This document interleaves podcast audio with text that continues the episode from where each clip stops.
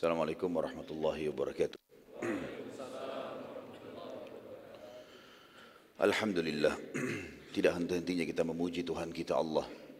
Nikmatnya sangat melimpah dari dari makanan, minuman, pakaian, kesehatan dan segala sesuatunya sehingga roda kehidupan kita di muka bumi ini bisa berjalan dan seluruh permintaan hamba-hambanya selalu dipenuhi olehnya. Dia terus menerus mengurus makhluknya, zat yang maha adil, maha kuat, maha bijaksana.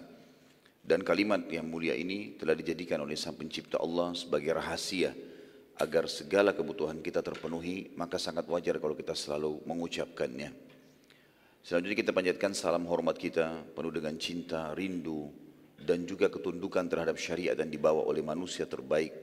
Manusia yang telah disempurnakan jalur nasabnya, fisiknya dan ilmunya oleh Sang Pencipta Allah. Manusia yang telah membawa kepada kita hukum halal haramnya Sang Pencipta sehingga kita tahu mana yang boleh dan mana yang tidak boleh yang diperintahkan oleh Sang Pencipta. Dan juga Allah sebagai pencipta bersama malaikat yang mengucapkan salam hormat secara langsung kepada manusia terbaik ini dan dijadikan ibadah untuk orang yang beriman serta dibalas langsung oleh Sang Pencipta Allah satu kali ucapan salam hormat dengan sepuluh kali salam hormat dari Sang Pencipta Allah atau tambahan rahmat dan karunia-Nya. Maka sangat wajar kalau kita selalu mengucapkan salawat dan taslim kepada Nabi besar Muhammad sallallahu alaihi wasallam. Saudaraku seiman melanjutkan materi sirah nabawi kita. Allah Subhanahu wa taala telah memudahkan kita menyelesaikan materi sirah kita ini sampai di bahasan kita pada pagi ini perang Perang Khandaq terjadi di bulan Syawal tahun 5 Hijriah. Di bulan Syawal tahun 5 Hijriah. Sebabnya, sebab terjadi perang Khandaq ialah baginda Nabi alaihi salatu wassalam sebagaimana kita tahu telah mempermalukan Quraisy, telah mempermalukan Quraisy di mana Quraisy terutama dipimpin oleh Abu Sufyan telah menantang Nabi Shallallahu Alaihi Wasallam dan Muslimin untuk bertemu kembali di wilayah Badr, di wilayah Badr yang dikenal dengan perang Badr kecil. Wilayah Badr pada saat itu didatangi oleh Nabi Shallallahu Alaihi Wasallam dengan pasukan Muslimin dan ternyata orang-orang Quraisy tidak berani datang. Dan Abu Sofyan menyebarkan berita ke pasukannya, kalau sekarang musim panas, lebih baik kita nggak usah berperang. Setelah terkumpul pasukan besar sekali, ya 3.000 orang Quraisy siap berperang pada saat itu. Dan Nabi SAW dan indah sifat orang beriman menepati tantangan. Kalau memang itu kebenaran ditantang, ya dia lawan. Nabi SAW keluar membawa pasukan seribu lebih, kemudian menuju ke wilayah Badr dan menunggu sampai tiga hari di sana. Ya, dan ternyata orang-orang Quraisy tidak datang dan tersebarlah berita di Jazirah Arab kalau Quraisy penakut. Kalau Quraisy penakut. Sisi yang lain, kalau masih ingat juga bahasan kita yang lalu, baginda Nabi alaihi salatu wassalam juga menyerang suku Arab yang besar namanya suku Gatafan. Suku yang ada di wilayah Najd, di wilayah utara Jazirah Arab. Suku ini sangat besar dan mereka pernah niat mau menyerang Madinah. Maka salah satu strategi perang Nabi alaihi salatu wassalam beliau menyerang duluan sebelum diserang. Dan ternyata waktu Nabi SAW tiba di sana, kocar kacirlah pasukan Gatafan karena mereka tidak siap dan tidak menyangka. Padahal mereka sangat besar jumlahnya, akhirnya juga termalukanlah suku Gatafan ini. Sisi yang lain, ada dua suku Yahudi di Madinah, Kainuqa dan Nadir, yang sudah kita ceritakan, cerita bagaimana Nabi alaihi salatu mengusir mereka dari Madinah. Kalau Kainuqa penyebabnya seorang wanita muslimah sahabiat belanja di pasar mereka dan pemilik toko orang Yahudi sengaja ingin menggoda si muslimah ini, sahabiat ini, meminta agar cadarnya dibuka tapi dia tolak. Kemudian si Yahudi ini dengan liciknya bekerja sama dengan beberapa temannya mencantolkan besian tajam di tempat duduk wanita muslimah ini sehingga pada saat dia berdiri robeklah semua bajunya dan terlihat auratnya. Maka mereka pun bersorak-sorak. Lewat seorang sahabat mulia Tentu dalam kisah ini saya tidak temukan namanya, saya pribadi, mungkin keterbatasan ilmu saya. Tapi kalau teman-teman mendapatkan Alhamdulillah yang jelas sahabat ini dipermalukan seperti itu lewat seorang sahabat Nabi. Begitu yang saya temukan dalam riwayat. Kemudian menghenduskan pedangnya tidak pakai basa-basi dibunuh si Yahudi pemilik toko. Maka si sahabat ini dikeroyokin oleh satu pasar. Oleh orang-orang Yahudi sampai akhirnya matilah sahabat tersebut mati syahid. Sahabat ini pergi ke masjid dan melapor kepada Nabi alaihi salatu wassalam. Ya Rasulullah begini kejadiannya. Maka Nabi SAW tidak pakai tunggu lagi, membentuk pasukan kemudian mengepung suku Kainuqa dan meminta orang-orang yang partisipasi membunuh si muslim tadi. Itu saja. Kalau diserahkan, maka hukuman di tangan kaum muslimin. Ternyata suku Kainuqa enggak mau dan akhirnya dikepung oleh Nabi SAW dan di Kainuqa pada saat itu mereka punya seribu personil pasukan perang dan muslimin yang mengepung mungkin 300-400 orang saja. Tapi karena Allah tanamkan rasa takut dalam hati mereka, akhirnya mereka mengalah dan dihukum oleh Nabi SAW diusir dari kota Madinah. Suku Nadir juga sudah kita ceritakan pada pertemuan yang lalu teman-teman sekalian.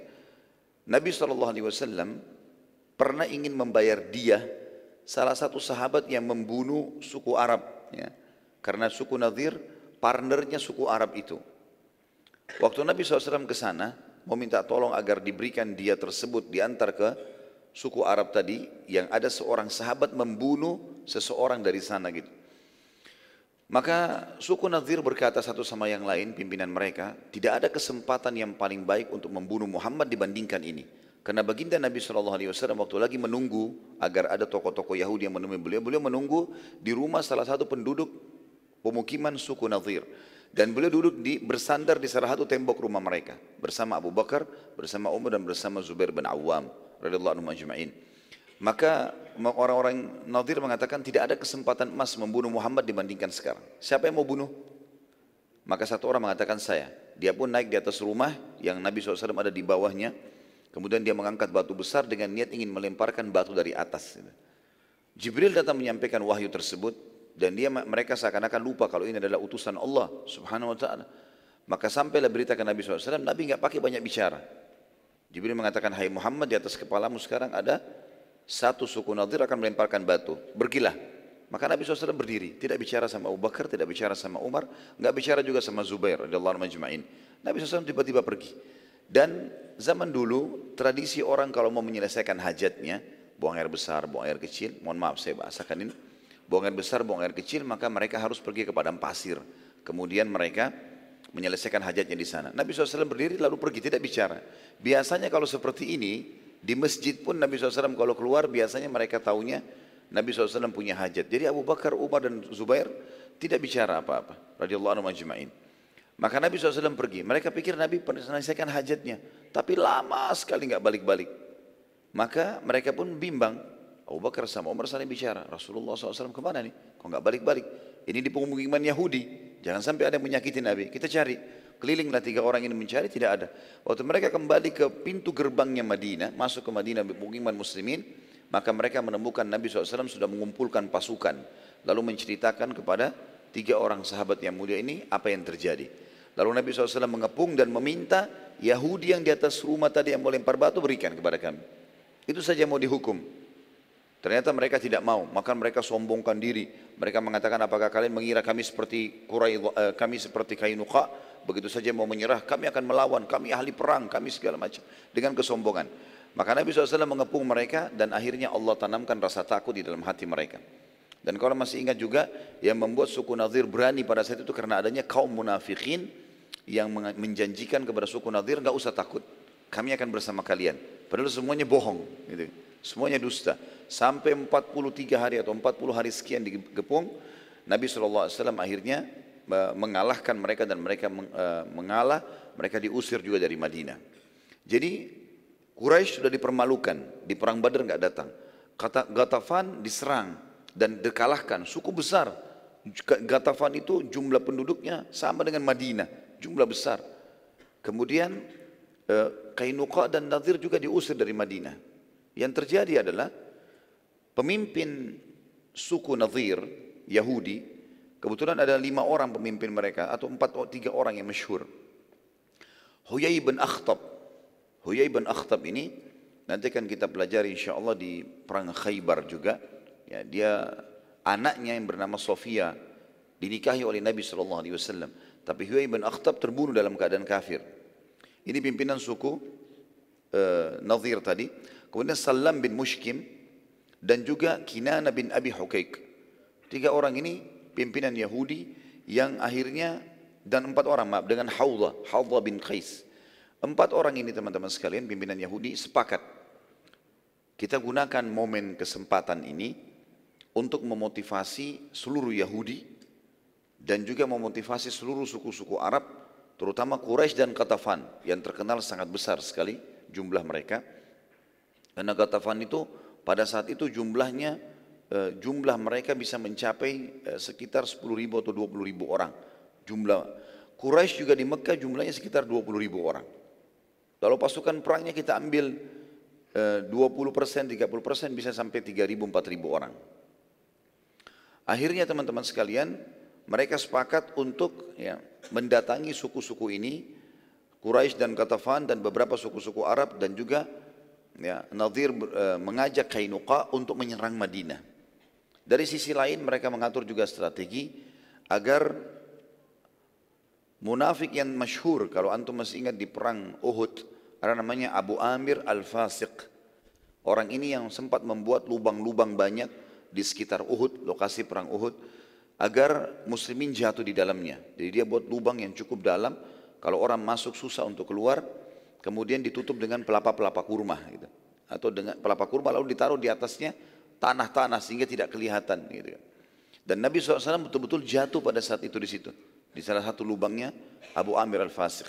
Abu Amir ini tadinya mau menobatkan diri menjadi Raja Madinah.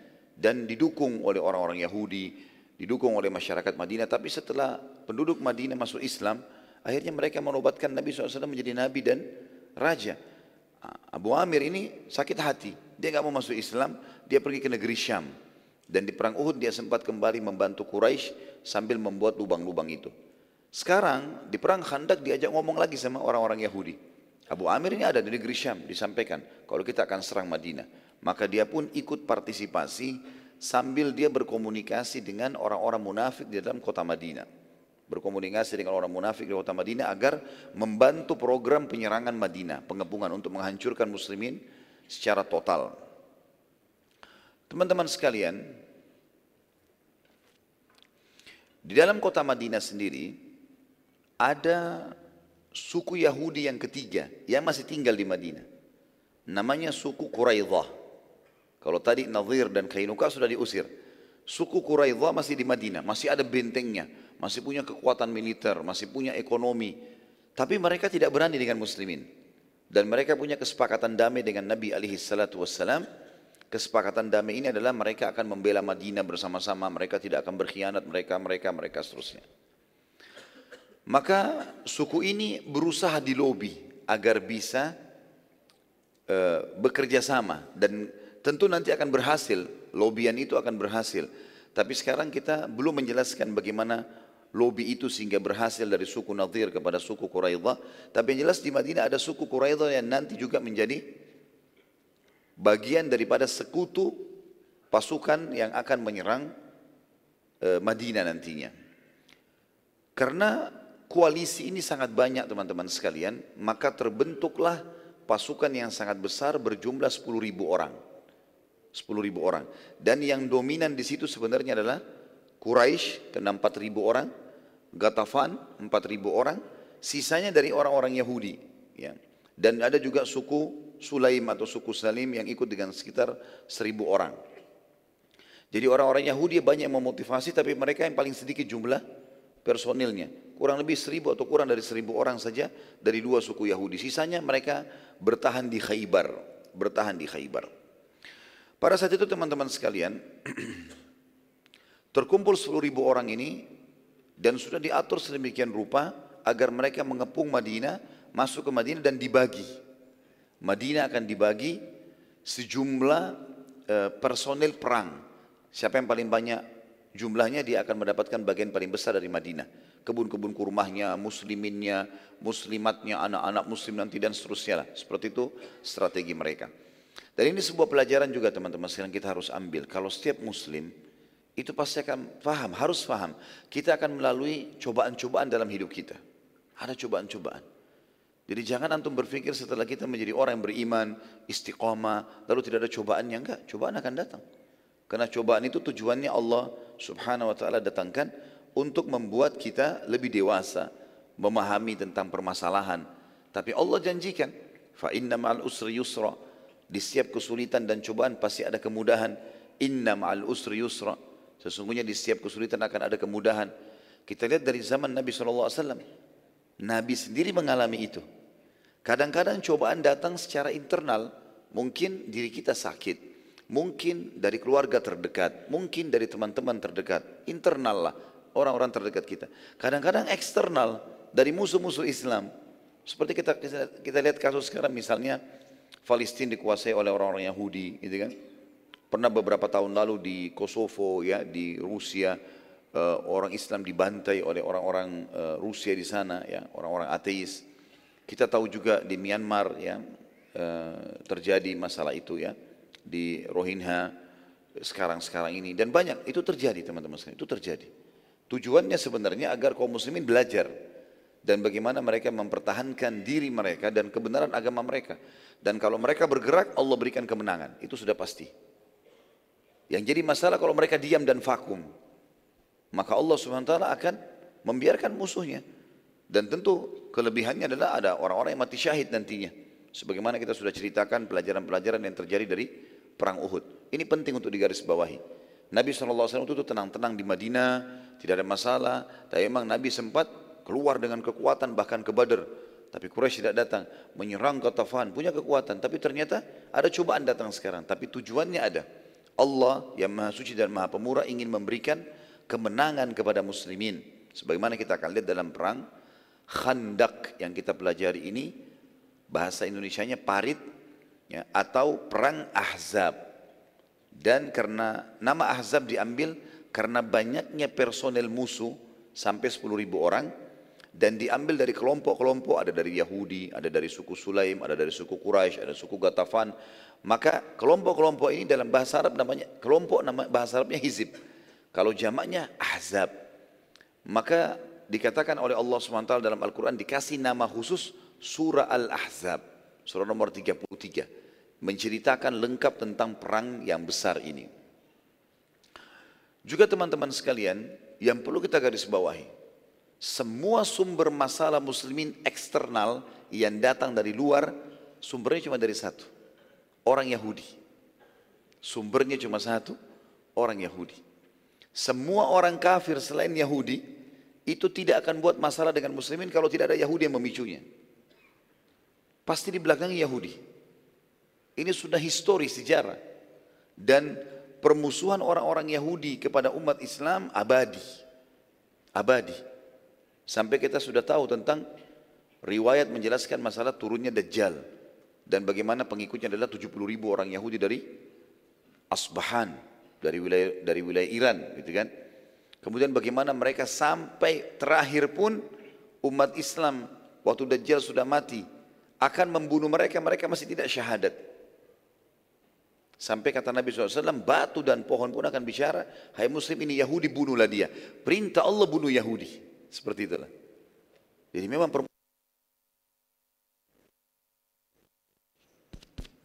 sudah digambarkan dalam Al-Quran kalau mereka akan abadi. Dalam surah Al-Maidah, surah nomor 5 ayat 82 Allah ceritakan masalah permusuhan Yahudi ini.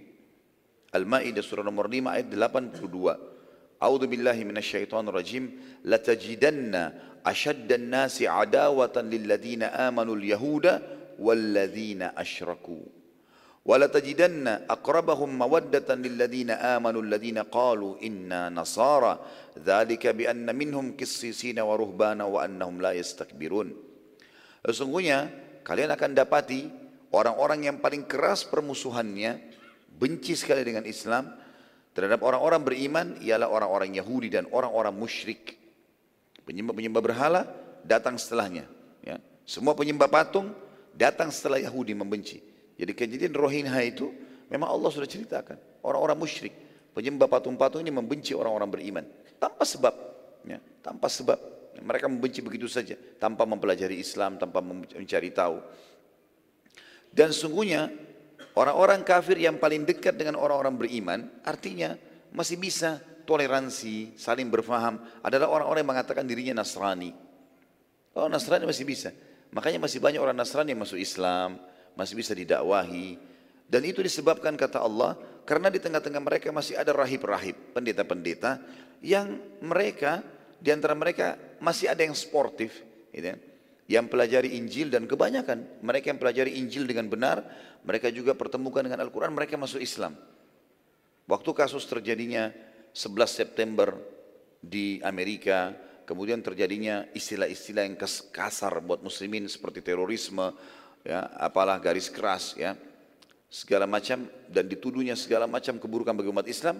Saya sendiri melihat beberapa cuplikan, ada beberapa pendeta dan pastor di Amerika yang coba fair menyampaikan apa adanya. Kalau itu nggak benar. Tidak semua umat Islam bisa dipukul rata seperti itu. Kalaupun ada umat Islam yang melakukannya, maka dia secara individu. Sebagaimana juga kalau ada Nasrani melakukan perbuatan salah, maka dia secara individu, bukan agama Nasraninya. Seperti itulah.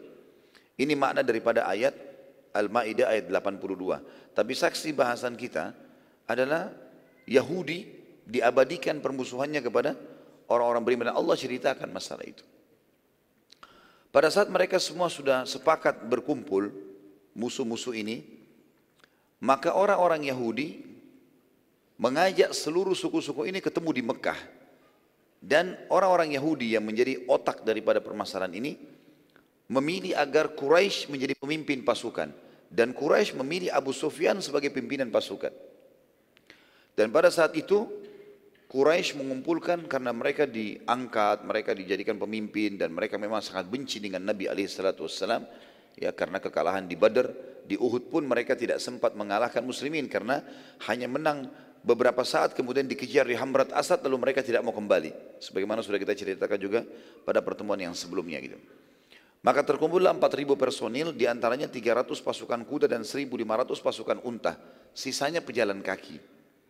Dari 4.000 orang itu, 1.800 orang berkendaraan, 300 kuda ya, dan 1.500 unta. Abu Sufyan sempat bertanya dalam salah satu ya, kesempatan pada saat lagi ngumpul sama orang-orang Yahudi ini, kalian kan ahli kitab, ya, mengaku mengenal Allah juga. Kami mau tanya, siapa kira-kira yang benar agamanya? Agama kami atau agamanya Muhammad? Kita lihat bagaimana permusuhannya orang-orang Yahudi teman-teman sekalian.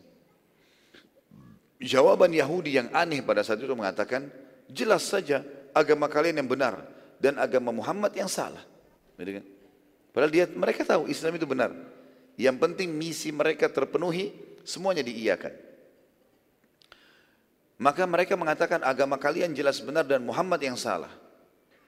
Dari sisi lain teman-teman sekalian, ada satu hal yang kita juga harus pelajari dari baginda Nabi SAW adalah Nabi tidak lalai dan Nabi sangat jeli alaihissalatu wassalam.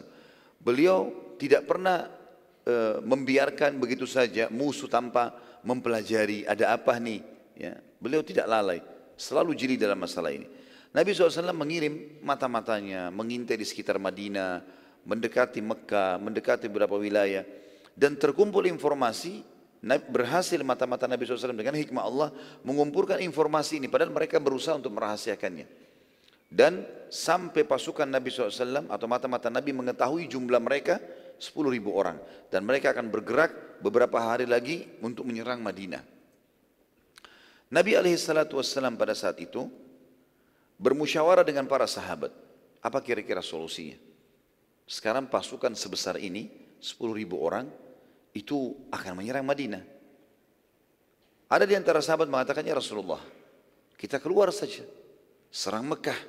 Gitu kan? Sebelum mereka datang, ada juga yang mengatakan ya Rasulullah, kalau kita keluar, jumlah kita sekarang, pasukan yang bisa kita kumpulkan sekarang, paling seribu. Seribu dengan sepuluh ribu terlalu besar. Kita butuh benteng yang lebih kuat. Artinya ini bermusyawarah tentunya, bukan tidak yakin dengan janji Allah. Maka mengerucut pada saat itu jumlah sahabat yang berharap agar tidak keluar dari Madinah, bertahan di benteng Madinah, lebih banyak daripada yang mengajak keluar. Maka berkatalah satu orang sahabat yang mulia, Salman Al-Farisi. Salman radhiyallahu anhu diberikan julukan dengan Al-Farisi karena dari negeri Persia. Sebagaimana ada sahabat Nabi yang lain juga, kita tahu uh, Suhaib dari wilayah Romawi diberikan julukan dengan Suhaib Ar-Rumi ya. Bilal Al-Habashi ya, dari negeri Habasya. Jadi ini penisbatan nama wilayahnya. Salman Al-Farisi mengatakan dan dia kebetulan memang pernah menjadi perdana menteri Raja Persia sebelum masuk Islam dan dia termasuk ulamanya sahabat ini karena dia masuk Islam itu masuk Islam dengan ilmu yang luas. Dia pernah masuk agama Yahudi, dia sudah hafal Taurat, kemudian ditinggalkan sama dia karena dia tahu penyimpangannya. Dia pernah masuk Nasrani, ya. sebelum tentu Yahudi pernah penyembah api, orang Persia. Kemudian pindah ke Yahudi, kemudian pindah ke Nasrani, baru kemudian dia waktu dengar Nabi SAW diutus, dia masuk Islam dan menghafal Al-Quran. Jadi dia satu-satunya sahabat yang menghafal Taurat, Injil dan Al-Quran. Semuanya luar biasa sampai diberikan julukan ulamanya sahabat radhiyallahu anhu ini. Juga dia punya kedudukan, dia pernah jadi perdana menteri di Persia. Dia tahu betul. Makanya salah satu personil yang sangat kuat dalam pembebasan Persia di zaman Umar bin Khattab adalah Salman radhiyallahu anhu. Beliau juga termasuk dalam pasukan yang menembus wilayah Persia. Pada saat itu Salman mengatakan, ya Rasulullah, di negeri kami dulu Persia, kalau kami terdesak, musuh banyak, atau diserang tiba-tiba dalam waktu dekat, kami nggak nggak siap untuk itu, maka kami membuat parit-parit. Baik itu lubang-lubang yang banyak, jebakan-jebakan sehingga musuh jatuh di dalamnya, atau kami mengelilingi kota kami, wilayah kami dengan parit yang besar. Setelah Nabi SAW tanya panjang lebar bagaimana parit itu diceritakan oleh Salman digali seperti ini, dibuaskan seperti ini dan Salman Al-Farisi pernah perdana menteri, tahu bagaimana pembuatan parit itu. Setelah terinci semuanya kata Nabi SAW ide yang bagus. Semua sahabat juga setuju. Maka mulailah Nabi SAW menggerakkan sahabat mengikuti instruksi Salman radhiyallahu anhu.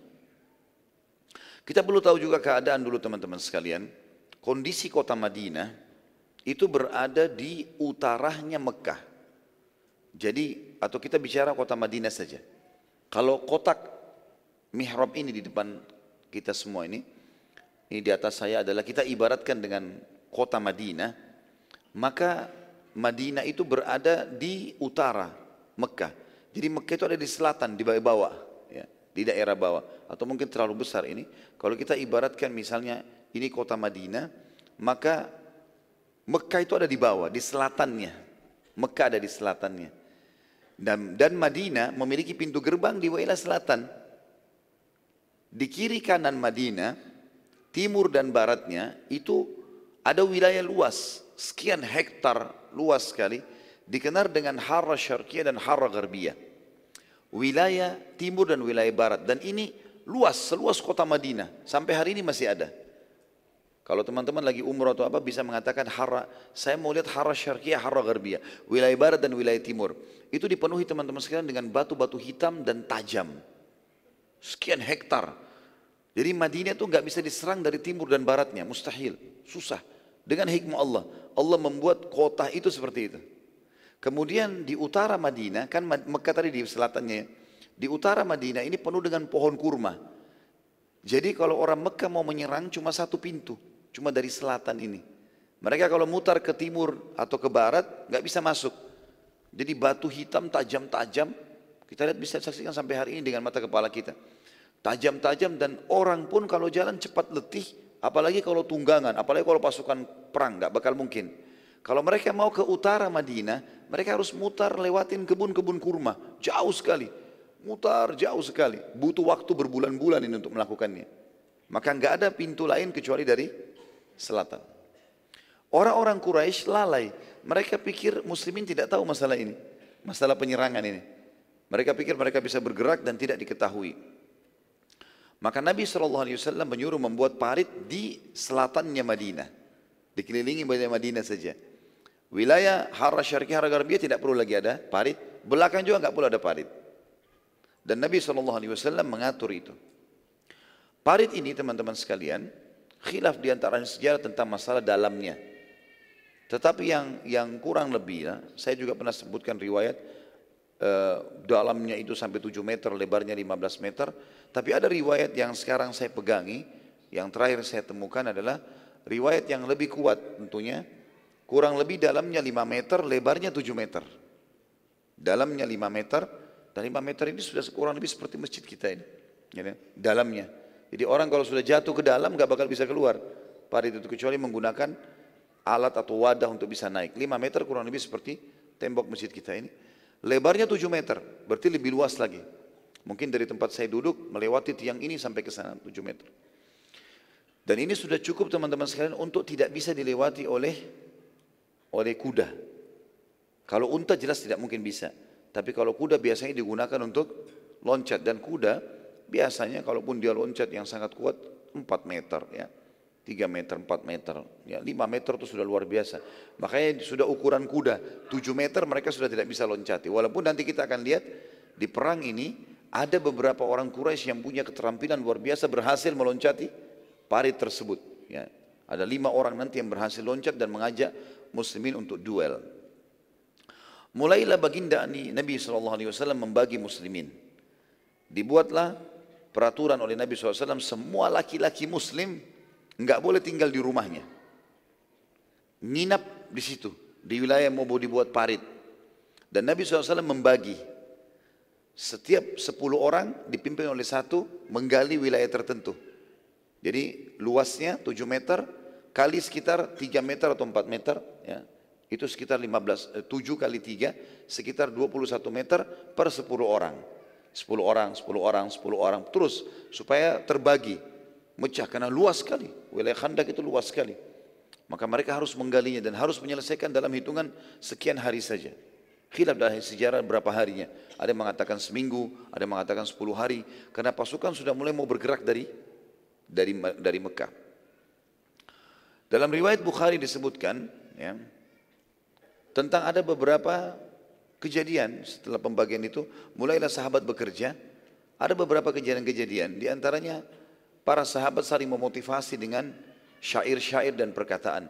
Dan Nabi alaihi salatu wassalam juga mengucapkan doa-doa mulia yang akhirnya diikuti oleh para sahabat. Ada satu orang pada saat itu bernama Juailin. Ju'ailin ini teman-teman artinya serangga. Karena orang ini di padang pasir. Ya. Orang-orang padang pasir sering menamakan anak-anaknya dengan nama hewan. Ya. Seperti itulah. Dan ini sebenarnya dalam Islam dianjurkan jangan ya. Lebih baik dihindari. Kita cari nama-nama yang mulia. Karena manusia lebih mulia daripada hewan gitu. Ya. Tapi ada saja orang yang menamakan itu. Yang jelas Ju'ailin namanya serangga. Dia rupanya datang, dia masuk Islam. Kemudian Nabi SAW menanyakan, siapa namamu? Dia bilang Ju'ailin. Kata Nabi SAW, sekarang kau Amr. Sekarang kamu Amr. Dan ini juga bagian dari syariat teman-teman sekalian. Siapa pun yang masuk Islam ataupun orang muslim tapi namanya tidak baik artinya diganti. Sunnah Nabi SAW itu ganti nama. Ya, saya dulu waktu masih mengajar di kampus banyak mahasiswa saya saya ganti namanya gitu. Tapi tidak harus saya tidak perintahkan mereka atau minta mereka untuk mengganti di KTP segala itu mungkin butuh proses di akte lahir. Tapi minimal nama panggilannya. Karena kadang-kadang artinya nggak baik gitu kan. Atau mungkin tidak punya makna. Kenapa kita tidak pakai nama-nama mulia, nama sahabat, nama para nabi-nabi misalnya. Yang jelas Nabi SAW langsung mengganti Juailin menjadi Amr. Karena Nabi SAW mengganti, maka para sahabat melantunkan syair mengatakan sammahu ba'da Juailin amran wa kana lillahi fil yaumi barran dia telah diberi nama setelah Juailin Amran dan Allah pada hari ini akan memberi kebaikan. Lalu mulailah para sahabat melantunkan itu sebagai motivasi satu sama yang lain. Di dalam riwayat Bukhari yang lain, Sahal bin Sa'ad radhiyallahu anhu berkata, kami bersama Rasulullah SAW di dalam parit. Jadi Nabi SAW juga tipologi raja dan pemimpin yang perlu dicontohi teman-teman sekalian. Karena beliau kalau memerintahkan suatu beliau ikut langsung. Bukan cuma bicara. Sekarang kan banyak begitu. Presiden atau raja, perang, perang. Dia duduk makan, enak. Dia nggak ikut sama sekali. Pasukannya ada mati-mati sekian orang yang sudah ganti yang lain. Enak benar gitu. Dia nggak ada partisipasi sama sekali gitu. Nabi SAW tidak turun di parit, ikut menghancurkan, menggali segala macam gitu. Yang jelas waktu itu, kata Sahal bin Sa'ad radhiyallahu anhu, kami bersama Rasulullah SAW di parit, kami memindahkan tanah galian dan meletakkannya di atas pundak kami. Lalu Rasulullah SAW mengucapkan doa sambil berkata, Allahumma la isha illa isha illa ishat illa aishat al-akhirah faghfir lil muhajirin wal ansar Yang artinya, Ya Allah, tidak ada kehidupan yang kami inginkan kecuali kehidupan akhirat. Maka maafkanlah dan ampunilah semua muhajirin dan ansar. Para sahabat teman-teman sekalian, akhirnya mengganti tadi, para sahabat akhirnya menjadikan doa Nabi SAW ini menggantikan tadi syair yang mereka lantunkan tentang Ju'ailin. Juga Al-Bara' bin Azib radhiyallahu anhu menuturkan kepada kita, aku melihat Rasulullah SAW memindahkan galian tanah parit dengan tangan beliau sendiri. Gali ditaruh di wadah, dipukul dipikul di pundak beliau wasallam. Nabi angkat sendiri sehingga perut beliau yang penuh dengan bulu karena badan Nabi SAW banyak bulunya kena debu semuanya gitu kan dan aku mendengar Nabi SAW melantunkan ya, pada saat itu eh, kata-kata uh, yang disusun oleh Abdullah bin Rawaha sambil memindahkan tanah tersebut. Beliau berkata, ya pada saat itu Abdullah bin Rawaha ini mengucapkan doa juga. Dia mengatakan, Wallahi laulallahu lamahtadayna wala tasaddaqna wala sallayna fa'anzilis sakinata alayna wa thabbitil aqdama idal taqayna.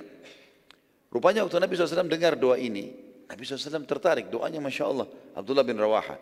Kemudian, radhiyallahu anhu, kemudian Nabi SAW mulai mengulangi kalimat tersebut, yang artinya, demi Allah, kalau bukan karena Allah, kami tidak akan mendapatkan hidayah atau petunjuk tentang Islam.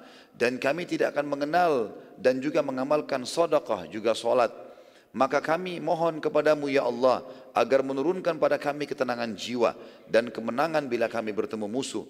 Sesungguhnya orang-orang kafir telah berbuat aniaya kepada kami.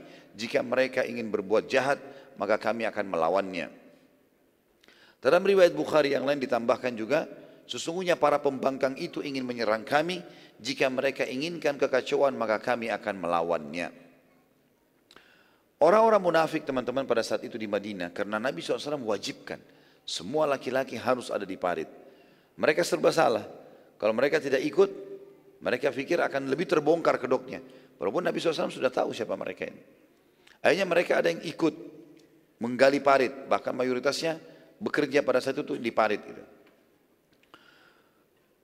Tapi mereka sering kali melanggar. Karena Nabi SAW kasih instruksi. Di parit kalau ada yang mau pulang, izin dulu. Istri sama anaknya silakan di rumah, orang tua boleh di rumah. Semua yang masih kuat laki-laki harus tinggal di parit, nginap di situ. Mereka buat, e, mereka saling membagi makanan satu sama yang lain dan seterusnya. Pokoknya di situ nggak boleh pulang, nggak boleh pulang sama sekali kecuali dengan izin Nabi SAW. Tapi sering kali mereka pergi, lari, ya dan Nabi SAW sudah tahu. Kalaupun ada di antara mereka orang munafik ini yang yang sedikit punya kebaikan, mereka mengatakan ya Rasulullah, izinkanlah kami pulang karena rumah kami terbuka, rumah kami aurat, kalau kami biarkan terbuka, maksudnya kami tidak pulang menginap, maka nanti kalau ada orang jahat yang ganggu bagaimana? Padahal sudah jelas-jelas perintah Nabi SAW tidak boleh pulang. Dan Allah akan menjaga keluarga mereka. Apalagi memang pintu masuk Madinah cuma dari situ. Enggak mungkin ada yang bisa masuk dari wilayah lain. Tertutup Madinah itu. Maka pada saat itu pun Allah Nabi SAW mengizinkan. Karena Nabi tahu mereka pun tidak ada gunanya. Ya.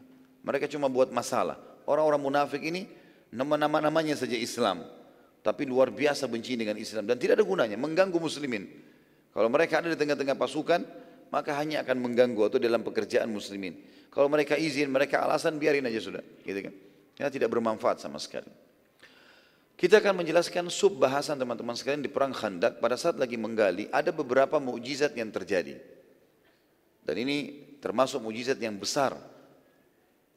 Mukjizat yang pertama adalah kisah tentang makanannya Jabir bin Abdullah radhiyallahu anhu. Teman-teman sekalian, Nabi SAW pada saat menggali tanah, mengangkat, tidak istirahat kecuali waktu sholat. Sholat pun mereka sholat di situ. Tidak ke masjid Nabawi, bukan sholat pergi ke masjid, tidak. Di situ kerjanya. Sholat di situ, istirahat tidur di situ, dibuat kemah-kemah, gitu kan. Sampai waktu itu terkenal ada tujuh posko yang Nabi SAW buat, gitu kan. Di situlah tempat sahabat berkumpul dan berjaga-jaga nanti kalau musuh sudah datang. Rupanya waktu Nabi SAW lagi ngangkat-ngangkat, ada dua orang sahabat datang mengeluh. Dan ini riwayat diriwayatkan Imam Bukhari. Dia mengatakan atau mereka mengatakan ya Rasulullah. Jadi zaman dulu tuh orang pakaian di zaman Nabi pakai izar dan rida ya. Jadi seperti sarung di bawah dan di atasnya juga baju besar. Ada kancingnya, tapi seperti kain ihram. Cuma dikancing, jadi lebar, orang leluasa bergerak. Gitu kan? Dalam berperang pun seperti itu. Jadi belum ada kayak kita sekarang kemeja. Jadi memang lebih luas seperti itu. Itulah. Waktu Nabi SAW lagi ngangkat, kadang-kadang perut beliau terlihat, badan beliau terlihat alaihissalam. Dan juga di sinilah beberapa sahabat yang sempat mengatakan kami sempat melihat perut Nabi SAW dan kami temukan perut Nabi seperti batu yang tersusun. Jadi sangat keras perut Nabi SAW dengan memang beliau sangat kekar. Tapi kisah yang kita sampaikan dalam riwayat ini bukan itu. Kisahnya adalah ada dua sahabat mengatakannya Rasulullah, kami lapar. Sudah tiga hari nggak ada makanan. Jadi tiga hari ini sahabat puasa betul. Mereka, maksudnya di sini puasanya adalah bukan puasa yang seperti kita tahu. Mereka menahan diri cuma minum air putih, makan beberapa butir kurma kalau ada. Kalau tidak ada mereka tidak makan sama sekali. Dan untuk menghilangi lapar, mengurangi laparnya, para sahabat mengikat batu di perutnya. Rupanya sahabat yang dua ini datang dan mengatakan, Ya Rasulullah, kami lapar. Tiga hari nggak makan. Dan sekarang ini terus kerja. Energi keluar terus. Nggak ada suplai makanan. Lalu mereka angkat bajunya. Lihat ya Rasulullah, ternyata di perut mereka ada dua batu. Jadi himama mereka dibuka, ditaruh batu di dalamnya, batu besar lalu dililit lalu diikat supaya perutnya tertekan. Karena usus kita kalau tertekan kan laparnya mulai berkurang gitu. Yang terjadi adalah Nabi SAW melihat Nabi nggak banyak bicara. Nabi buka juga bajunya ada tiga batu.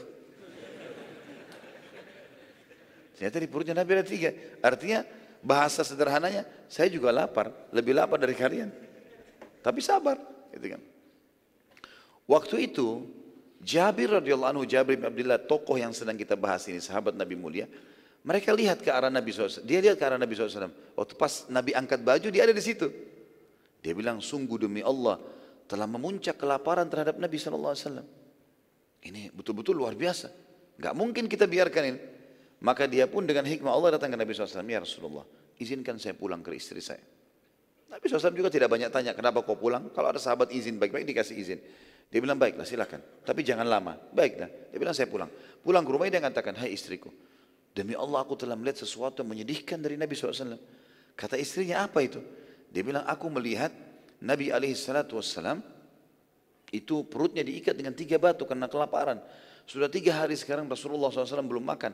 Di handak pun tidak ada makanan. Karena perlu kita tahu juga teman-teman sekalian, kenapa di handak itu tidak ada makanan?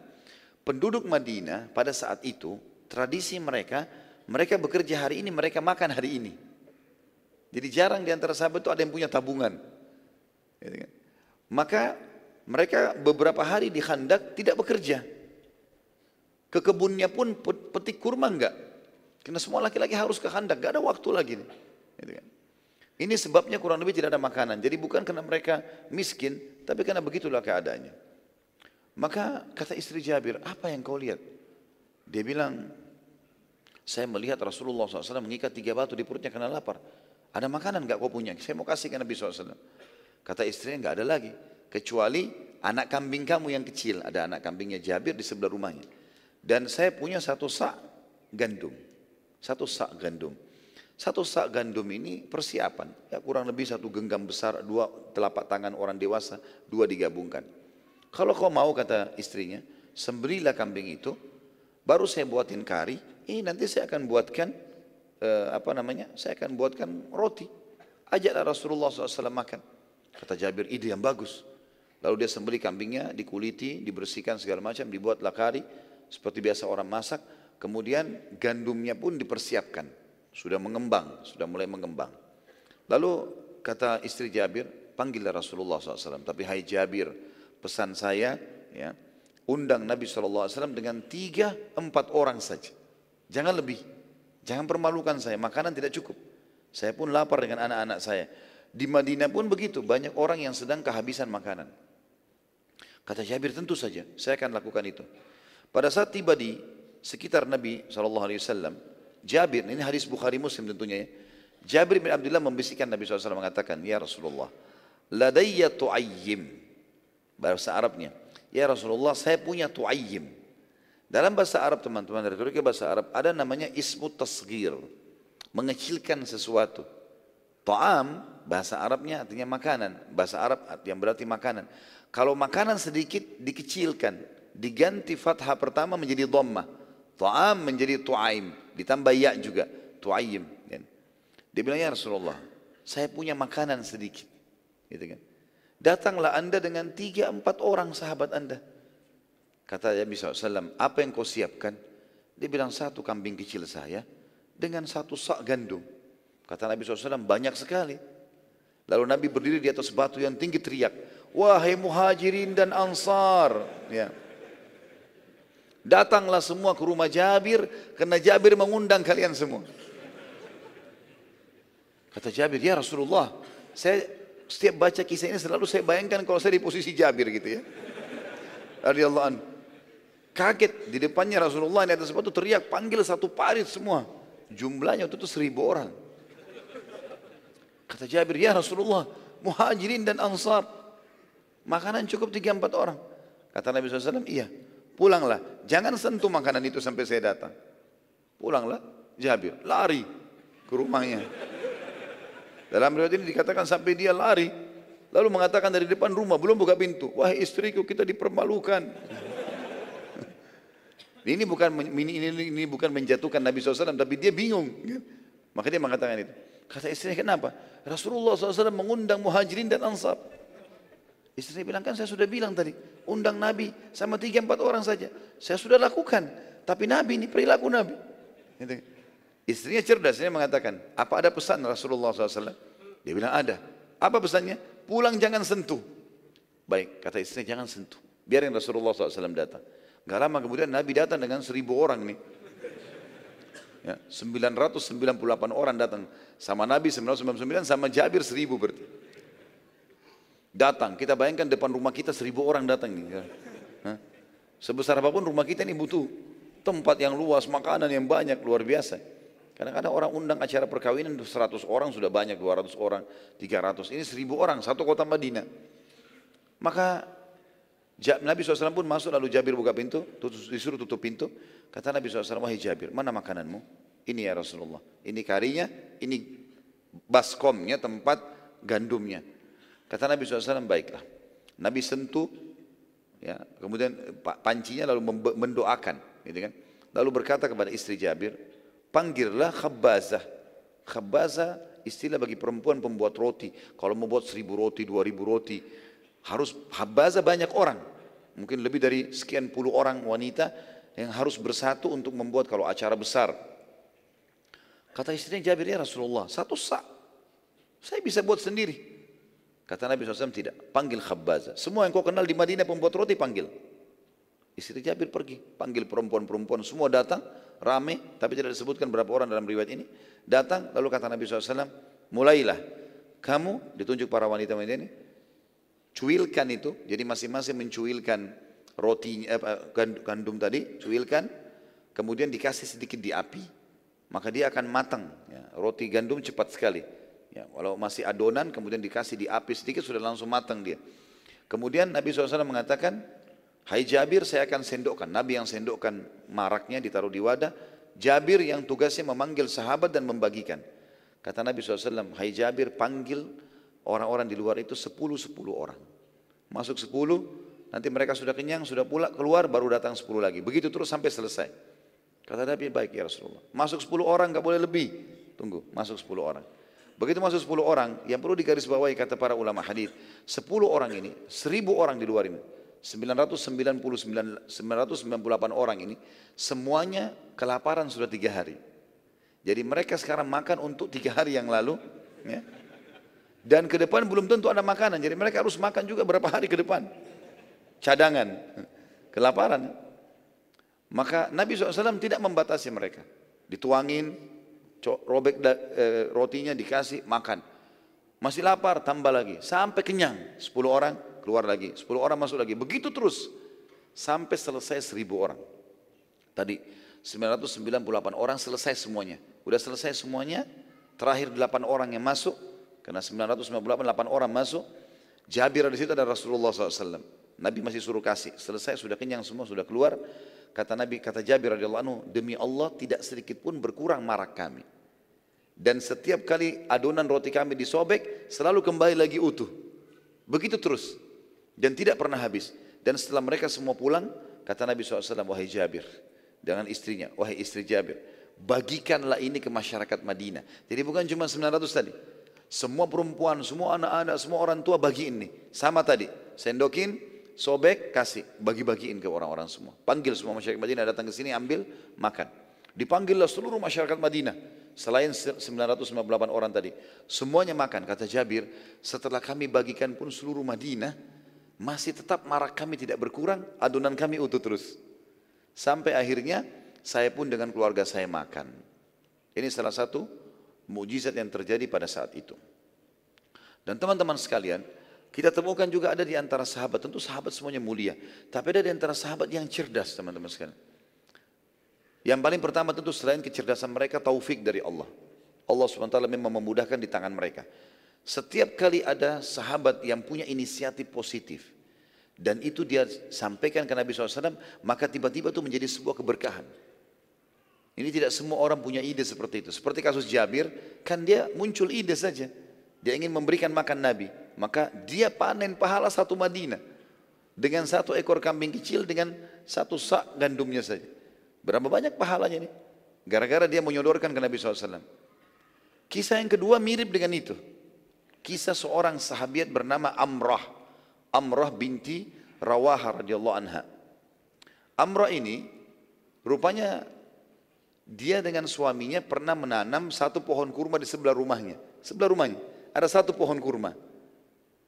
Maka dia tahu kalau suaminya ikut ikut di khandak, di, di parit, maka dia coba mengambil kurma-kurma yang ada yang kebetulan lagi panen. Diambil sama dia diturunin.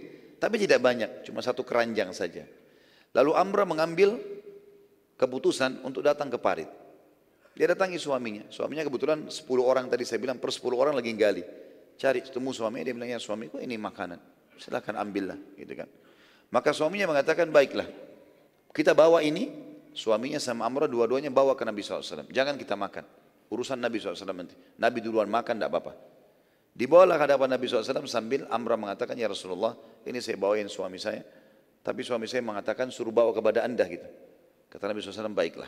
Beliau pun membuka jubahnya, ya, atau surbannya, ada beberapa riwayat. Kemudian beliau letakkan. Lalu beliau mengatakan, tuangkanlah di sini. Jadi di atas surban Nabi SAW, dituangkanlah kurma tersebut. Tiba-tiba kurma itu membanyak. Sampai menjadi seperti gunung yang besar. Kurma tadi tiba-tiba membanyak sendiri. Entah bagaimana kuasa Allah SWT membanyak. Dan seluruh satu parit disuruh makan oleh Nabi SAW. Setelah mereka makan semua, ya sudah puas, sudah makan semuanya, barulah terlihat gunungan itu berkurang. Tapi ini termasuk yang terjadi mujizat Nabi SAW berhubungan dengan makanan pada saat itu. Mujizat yang ketiga yang terjadi adalah bagaimana Nabi SAW memecahkan batu yang besar dan batu ini sangat keras. Tidak bisa sahabat sudah mencoba berapa orang tidak bisa pecah. Jabir radhiyallahu anhu tadi perawi uh, yang yang kisahnya tadi juga meriwayatkan sebuah hadis yang sahih bahwa saat kami sedang menggali parit maka kami menemukan sebuah batu yang sangat besar yang menyulitkan kami melanjutkan penggalian. Lalu kami mengadukan kepada Nabi alaihi salatu wassalam. Jadi waktu gali parit Kemudian mau digali lagi ke arah samping, ternyata ada batu besar, nggak bisa. Waktu mengadu kepada Nabi SAW, maka Nabi SAW datang ke titik itu, kemudian beliau mengangkat kampaknya sendiri, alaihissalam. Batu ini besar sekali di hadapan Nabi. Dan ini mau diperlebar parit. Ya. Harus dihancurkan dulu batunya. Maka Nabi SAW mengangkat kampak beliau dan memukul dengan sangat kuat batu tersebut. Tiba-tiba hantaman kampak itu di batu besar di depan Nabi SAW. Dan batu ini kata sebagian ahli tafsir, eh, ahli, eh, ahli sejarah, kemungkinan batu ini sebesar parit itu. Berarti sekitar 5 meter besarnya. Ya. Ma, eh, ma, eh, apa, iya. Dan lebarnya sekitar 7 meter karena selebar parit itu. Tinggi dan besar. Jadi sangat besar batu ini dan keras, tidak mungkin mereka bisa ubah. Jadi ini bukan sekedar batu yang cuma satu meter, dua meter yang bisa sahabat angkat. Enggak, memang ini batu yang sulit mereka pecahkan. Maka Nabi SAW menghantam kampak beliau di situ. Di tengah-tengah batu itu. Tiba-tiba keluar cahaya yang terang. Pada saat itu, ya, kami mendengar Nabi SAW bertakbir seraya beliau bersabda. Pada pukulan yang pertama keluar cahaya. Allahu Akbar. aku diperlihatkan seluruh negeri Syam di tangan umatku. Lalu kemudian Nabi SAW mengangkat tali kampaknya, dipukul lagi yang kedua kali, keluar lagi cahaya yang terang, lalu beliau mengatakan, Allahu Akbar, aku diperlihatkan seluruh wilayah Persia di tangan umatku. Lalu kemudian beliau memukul yang ketiga, keluar cahaya lagi. Jadi tadi setelah keluar cahaya, kemudian hilang cahaya itu. Dipukul yang ketiga kali, batu tersebut, dan akhirnya membuat batu itu pecah, hancur semuanya, lebur, jatuh dengan sendirinya, ya seperti jadi tanah yang hancur. Kemudian Nabi SAW mengatakan keluar cahaya yang ketiga tadi, Allahu Akbar, aku diperlihatkan seluruh Yaman, maksudnya Yaman ini adalah jazirah Arab, ya, di dalam atau di dalam tanganku atau di tangan umatku. Waktu itu tersebar berita di antara sahabat, Allahu Akbar, Allahu Akbar, Rasulullah dikasih berita gembira sama Allah. Persia, Persia begitu luas, setengah dunia dikuasai. Negeri Syam artinya negeri Syam dan di atasnya, termasuk Turki di atas, itu juga akan wilayah umat Islam. Jazirah Arab semuanya dikuasai, diperlihatkan gitu. Maka tersebar berita. Apa yang terjadi? Orang-orang munafik yang sempat ikut di situ bilang, ini mereka sebarin isu, mereka mau meredam muslimin. Apa yang mereka bilang? Sungguh Muhammad telah mengucapkan kalimat yang aneh. Kelihatan kemunafikannya, dia tidak bilang Rasulullah. Dan ini bukan satu dua orang yang bicara. Banyak orang di antara mereka bicara begitu. Bagaimana bisa kami sekarang tidak dapat tenang dalam buang hajatnya? Tidak bisa dia buang air besar, tidak bisa keluar dari parit, tidak bisa buang air kecil, meninggalkan parit. Sementara dia menjanjikan kemenangan menguasai dunia. Dan Allah subhanahu wa ta'ala mengekalkan perkataan mereka dalam surah Al-Ahzab. Nanti kita akan tadaburi surah Al-Ahzab di perang ini tentunya ya. Ini surah nomor 33 ayat 12. Surah nomor 33 ayat 12. A'udzu billahi minasyaitonir rajim. Wa idh yaqulul munafiquna walladzina fi qulubihim maradun ma wa'adana Allah wa rasuluh ma wa'adana Allah wa rasuluh illa gurura. Dan ingatlah dan saya sudah bilang teman-teman sekalian setiap dalam Al-Quran ada kalimat ingatlah artinya pelajarilah. Ya. Dan ingatlah ketika orang-orang munafik dan orang-orang yang ada penyakit dalam hatinya berkata, Allah dan Rasulnya tidak menjanjikan kepada kami melainkan tipu daya saja. Subhanallah teman-teman sekalian, perkataan Nabi SAW terbukti hanya 10 tahun dari waktu itu. 10 tahun saja. Kan perang Khandak terjadi bulan Syawal tahun 5 Hijriah. Di tahun 15 Hijriah, 10 tahun setelah itu, di zaman kerajaan Umar bin Khattab, per, eh, negeri Syam takluk. Negeri Syam takluk. Kita tahu ada perang Yarmuk. Umar bin Khattab mengutus saat uh, Abu Ubaidah bin Jarrah dengan uh, Khalid bin Walid menembus negeri Syam sampai Umar bin Khattab menerima sendiri kunci Masjid Aqsa. Tahun 16 Hijriah, setahun sesudahnya, Umar bin Khattab mengutus Sa'ad bin Abi Waqqas dengan 30 ribu pasukan menembus Persia dan Persia takluk di tangan muslimin. Begitu pula dengan Yaman masuk Islam. Jazirah Arab sebelum meninggal Nabi SAW sudah masuk Islam. Dan ini terbukti semuanya apa yang Nabi SAW sudah ucapkan. Kita masuk ke pelan-pelan peperangan ini sampai nanti akan ada kecamuk peperangan atau ada akan duel di antara muslimin dan orang-orang kafir Quraisy. Sudah kita bahas masalah mujizat di parit dan prosesi penggalian parit. Kita kembali membahas dulu tentang suku Yahudi tadi yang ada di Madinah. Namanya Quraidah. Ada kisah pengkhianatan suku Quraidah. Tadinya kan mereka punya sepakat perdamaian. Dan mereka takut sekali dengan umat Islam. Mereka tidak mau berkhianat. Takut nanti diusir seperti kejadian Qainuqa dan Nadir. Sementara suku Quraidah jumlah mereka lebih sedikit dari Nadir dan Qainuqa. Bisa saya mereka diusir. Pasukan Ahzab tiba pada saat itu. 10 ribu orang semuanya berkuda. Termasuk tadi ada beberapa orang Quraisy yang hampir berjalan kaki difasilitasi oleh Yahudi dengan kuda.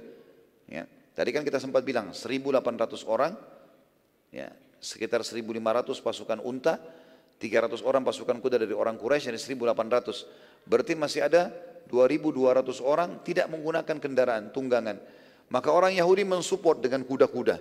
Sehingga orang-orang Quraisy pun 4.000 semuanya berkuda. Katafan semua berkuda, Sulaim semua berkuda, semuanya berkuda, termasuk orang-orang Yahudi. 10 ribu orang pasukan kuda dan ini pasukan sangat kuat kalau 10 ribu orang semuanya berkuda. Karena pasukan kuda artinya sama dengan tank di zaman sekarang. Waktu tiba di situ, parit sudah selesai. Apa yang Nabi SAW lakukan? Parit itu sudah betul-betul bersih, udah sangat dalam, kotak gitu kan. Dalamnya 5 meter, lebarnya 7 meter. Dan di seberang, di seberang parit tempat muslimin, di sana muslimin sudah buat posko-posko dengan pemana-pemana yang handal. Jadi kalau orang Quraisy mendekat parit dipanain. Apalagi kalau mereka sampai mau turun ke dalam parit. Waktu tiba pasukan Quraisy, mereka kaget, belum pernah tahu ada strategi seperti ini. Orang Arab tidak pernah tahu membuat parit ini. Ini memang idenya dari Salman tadi radhiyallahu anhu. Maka Abu Sufyan pun keliling-keliling dengan orang Quraisy tidak bisa. Bagaimana cara dilewatin? Tidak ada celah. Paritnya semuanya padat sekali. Perlu saya kasih gambaran juga teman-teman sekalian. Tadi saya bilang ini misalnya kota Madinah. Ya, kalau ini buku map kita ibaratkan kota Madinah. Parit ada di selatan. Kiri kanan tadi ada Hara Syarqiyah, Hara Garbiyah. Di atasnya ada banyak perkebunan kurma. Di pojok sini, di pojok sekali dekat ya di daerah timurnya Madinah itu bentengnya suku Quraidah. Bentengnya suku Quraidah. Jadi parit dibuat sampai ke batas temboknya bentengnya suku Quraidah. Berarti satu-satunya jalan masuk ke Madinah sekarang suku Quraidah ini. Kalau suku Quraidah buka pintu gerbangnya, berarti bisa pasukan Ahzab masuk dan menyerang Madinah. Kalau dari pintu gerbang nggak bisa lagi karena sudah ada parit. Pada saat itu mereka keliling-keliling, nggak ada cara. Mereka coba berusaha mau loncat, jatuh. Ada yang jatuh dalam parit. Dan dalam parit dipanahin oleh para sahabat. Mati. Nggak bisa. Gitu kan? Kalau mereka ada usaha yang lain, mereka coba menyentak-nyentakkan kaki kuda mereka supaya tanahnya pada jatuh. Ya, juga sama dipanahin, mereka nggak bisa. Maka mereka sulit ini. Bagaimana cara jalan keluarnya? Maka Abu Sofyan berdiskusi dengan pimpinan suku Nadir. Otak daripada peperangan ini namanya Huyai bin Akhtab tadi.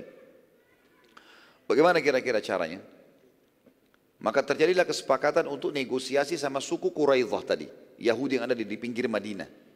Supaya mereka buka pintu gerbangnya. Kata Huyai, baik saya akan temui. Pimpinan Quraidah, raja mereka bernama Ka'ab, Ka'ab ibn As'ad. Ka'ab ibn As'ad. Maka Huyai pun datang. Dari pintu dari dari di pinggir kota Madinah tadi, dari depan pintu gerbang benteng Quraidah, mereka teriak-teriak. Si Huyai berteriak-teriak, "Hai Ka'ab, bukakanlah pintu gerbang buat saya." Ka'ab sudah tahu, ini Huyai otaknya pasukan Ahzab datang dan pasti dia diajak untuk berkhianat. Kata Ka'ab, "Saya tidak mau bukakan buat kamu." Bukalah, dengarkan apa yang saya mau sampaikan. Kata Ka'ab, demi Allah saya nggak mau dengar. Saya nggak mau ikut-ikutan. Saya tidak mau punya masalah dengan Muhammad dan muslimin. Maka karena terus saja dia teriak-teriak dan tidak mau dibukain dan Kaab di atas benteng, si Huyai dibawa. Huyai mengatakan, kalau kau tidak mau bukain saya, saya akan laporkan sekarang. Ini suku-suku Arab lagi banyak. Kalau kamu hai Kaab, ya orang yang sangat pelit, nggak mau nerima tamu. Kaab terganggu dengan kalimat ini. Karena orang Yahudi pada saat itu teman-teman sekalian menggunakan bahasa Arab. Tradisi mereka sudah mengikuti tradisi orang Arab. Makanan mereka mengikuti makanan orang Arab. Dia tidak mau namanya rusak.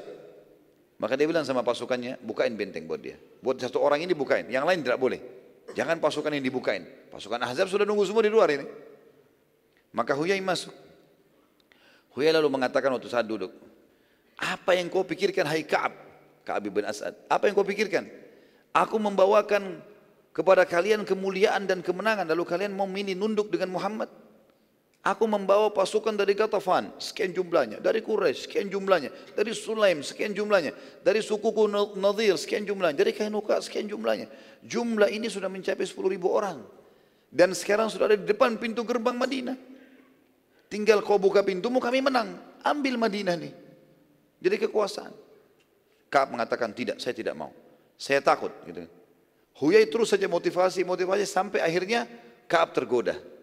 Jadi, dengan bahasa-bahasa yang di antaranya dia mengatakan, kalau perlu Madinah setengah kami kasih kepada kamu. Silakan. Yang penting buka pintu gerbang. Pada saat itu akhirnya terjadi kesepakatan baiklah kalau begitu. Lalu Kaab mengambil eh, kulit unta yang ada tulis tertulis kesepakatannya dengan Nabi Alaihissalam. Kalau mereka sama-sama harus mengejar kenabian Madinah dan dan seterusnya, maka dia pun mengambil uh, alat bakar mereka pada saat itu dan dibakarlah kesepakatan itu. Lalu mereka beryel-yel, mereka pesta-pesta dengan khamar, minuman keras pada saat itu. Nabi SAW curiga, kok di dalam bentengnya Quraidah ini ada suara? Kan parit di dekat situ, lagi parit. Parit kan pas sampai di bentengnya Quraidah, terdengar suara ribut-ribut di dalam. Ada apa ini? Ribut-ributnya ini bukan ribut seperti biasa orang kalau cuma ngobrol dua tiga orang nggak apa-apa. Ini ribut, mereka yel-yelkan seperti yel-yel orang yang mau berperang gitu kan. Maka Nabi Alaihissalam memilih dua orang sahabat yang kebetulan memang dua orang sahabat ini pimpinan suku Ansar, pimpinan suku Madinah. Sa'ad ibn Ubadah dan Sa'ad ibn Mu'ad radhiyallahu anhu majma'in. Dua orang yang sangat mulia. Sa'ad ibn Ubadah dan Sa'ad ibn Mu'ad. Dua-duanya namanya Sa'ad. Dua orang ini kemudian pergi ke Quraidah. Kata Nabi SAW, pergilah Quraidah, bawa informasinya. Kalau kalian temukan Quraidah masih dalam kesepakatan, maka iklankan. Kalau Quraidah tidak berkhianat agar masyarakat muslimin Madinah tenang. Tapi kalau kau temukan pengkhianatan, ada celah, ada kelihatan mereka berkhianat, maka berikan kepada saya isyarat, saya faham kalau mereka berkhianat. Kata saat dua-duanya saat ini, saat Abu dan saat Ibn Mu'ad mengatakan, baiklah. Pada saat itu mereka berdua pergi. Lalu dari depan pintu gerbang, zaman dulu orang begitu. Berdiri di depan pintu gerbang lalu teriak, bukakan, saya adalah si fulan. Lalu dilapor ke raja mereka. Gitu. Mereka tahu Sa'ad ibn Ubadah, tahu Sa'ad ibn Mu'ad. Orang-orang Yahudi kenal, ini pimpinan orang Ansar. Tiba-tiba saja aneh terjadi pada saat itu. Orang-orang Yahudi tiba-tiba mencelah Sa'ad ibn Mu'ad dan Sa'ad ibn Ubadah. Dan zaman dulu itu mencelah kepala suku berarti mencelah sukunya semua. Memalukan sekali. Terus saat dua-duanya saat ini heran, ada apa dengan mereka ini? Tanda-tanda ada pengkhianatan gitu. Lalu saat Ibn Ubadah dan Sa'ad ibn mengingatkan, ingatlah hai Quraidah, kesepakatan damai di antara kita. Jangan sampai ada masalah. Ya. Kebetulan saat Ibn Mu'ad dan saat Ibn Ubadah bukan datang dari depan pintu gerbang, karena depan pintu gerbang sudah dikuasai pasukan Ahzab. Dari dalam kota Madinah, dalam kota Madinah, dari pintu gerbang yang lain, gitu kan. Maka Sa'ad bin Mu'ad dan Sa'ad bin Ubadah tidak tahu kalau di dalam ini ada Huyai bin Akhtab. Karena dia masuk dari depan benteng. Tiba-tiba dia caci maki. Sa'ad bin Ubadah heran. Lalu Sa'ad bin Ubadah dan Sa'ad bin mengatakan, ingat kesempatan kita, jangan sampai kalian berkhianat. Lalu tiba-tiba orang-orang Yahudi sepakat di atas mengatakan, tidak ada kesepakatan di antara kita lagi. Sudah selesai. Gitu kan? Lalu mereka mencaci maki. Sa'ad bin Ubadah sempat marah.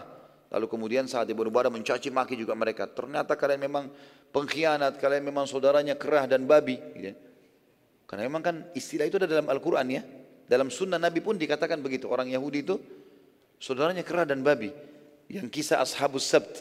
Ya, orang-orang yang memancing hari Sabtu yang dilarang itu. Kan Allah kutuk menjadi kerah dan babi kan. Maka diistilahkan Yahudi saudaranya kerah dan babi. Ya. Nanti kita akan dengarkan juga di penyerangan suku Quraidah setelah pasukan Ahzab terkalahkan. Potensi saudara itu teman-teman saat ibn Mu'ad radhiyallahu anhu saat ibn Mu'ad ini mulia sekali dan nanti kita akan lihat bagaimana dia mati syahid gitu kan dan dialah saat ibn Mu'ad ini yang pada saat meninggal arsy Allah goncang ya dia mengatakan wahai Sa'ad ibn Ubadah tahan lisanmu karena antara kita dengan mereka ini bukan cuma lisan ada yang lebih besar pedang yang akan mereka dapatkan Lalu saat bin Ubadah diam. Keduanya kembali ke Nabi SAW. Lalu Nabi tanya, lagi duduk sama para sahabat. Parit sudah selesai. Jaga-jaga nih, pasukan Quraisy ada yang lewat, dipanahin. Bagaimana kabar? Keduanya menggunakan bahasa isyarat dengan bahasa al-ad wal qara ya Rasulullah. Al-ad wal qara ini istilah yang digunakan oleh orang-orang Madinah kalau ada pengkhianat. Ya. Seperti dia mengatakan dari depan dan belakang ya Rasulullah, gitu kan. Maka Nabi SAW mengatakan tiba-tiba ini, Allahu Akbar dengan suara besar.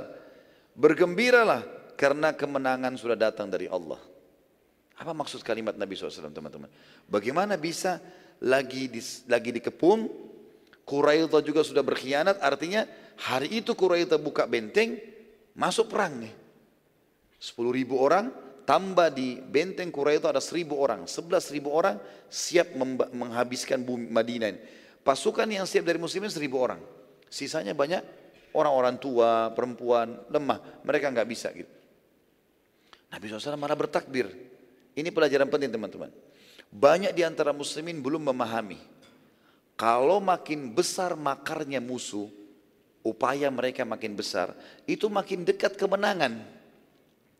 Perlu garis bawah ini teman-teman sekalian. Kalau makin besar makar mereka, maka makin dekat sekali kemenangan. Dan banyak sekali perilaku-perilaku orang kafir itu sangat berhubungan dengan kesuksesan kehidupan seorang muslim. Saya kasih contoh. Para sahabat mengatakan, kami sangat yakin kemenangan Allah sudah dekat kalau kami mendengarkan di dalam benteng musuh cacian kepada Allah dan Rasulnya. Kapan mereka sudah sampai pada mencaci Allah dan Rasulnya, menang pasti akan datang udah. Kalau mereka tidak begitu, mereka cuma diam-diam saja, mereka mempertahankan diri mereka, masih butuh upaya. Jadi ada yang langsung tiba-tiba membuka pintu dari langit diberikan kemenangan kalau mereka sudah makarnya makin jadi. Seperti itulah kurang lebih. Dan juga teman-teman sekalian, Allah pada saat kita sudah tahu seperti ini dan berusaha menyerang, mempertahankan Islam, pasti Allah akan berikan kemenangan. Dan ini makna dari perkataan Nabi Alaihissalam. Mereka berkhianat, terbuka pintu dari langit loh itu. Mereka akan dihukum sama Allah. Pasti. Dan kita akan lihat nanti dalam pelajaran kita juga, bagaimana Allah subhanahu wa ta'ala membinasakan suku Quraidah. Memalukan mereka. Laki-lakinya, personal-personalnya semua terbunuh nanti di tangan kaum muslimin.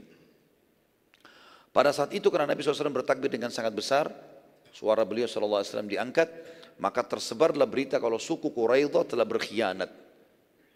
Berarti sekarang keadaannya adalah parit bisa diserang oleh musuh kalau mereka lalai sedikit. Di sisi lain di pojok ada benteng Quraidah. Seribu pasukan muslim sibuk di situ, di parit.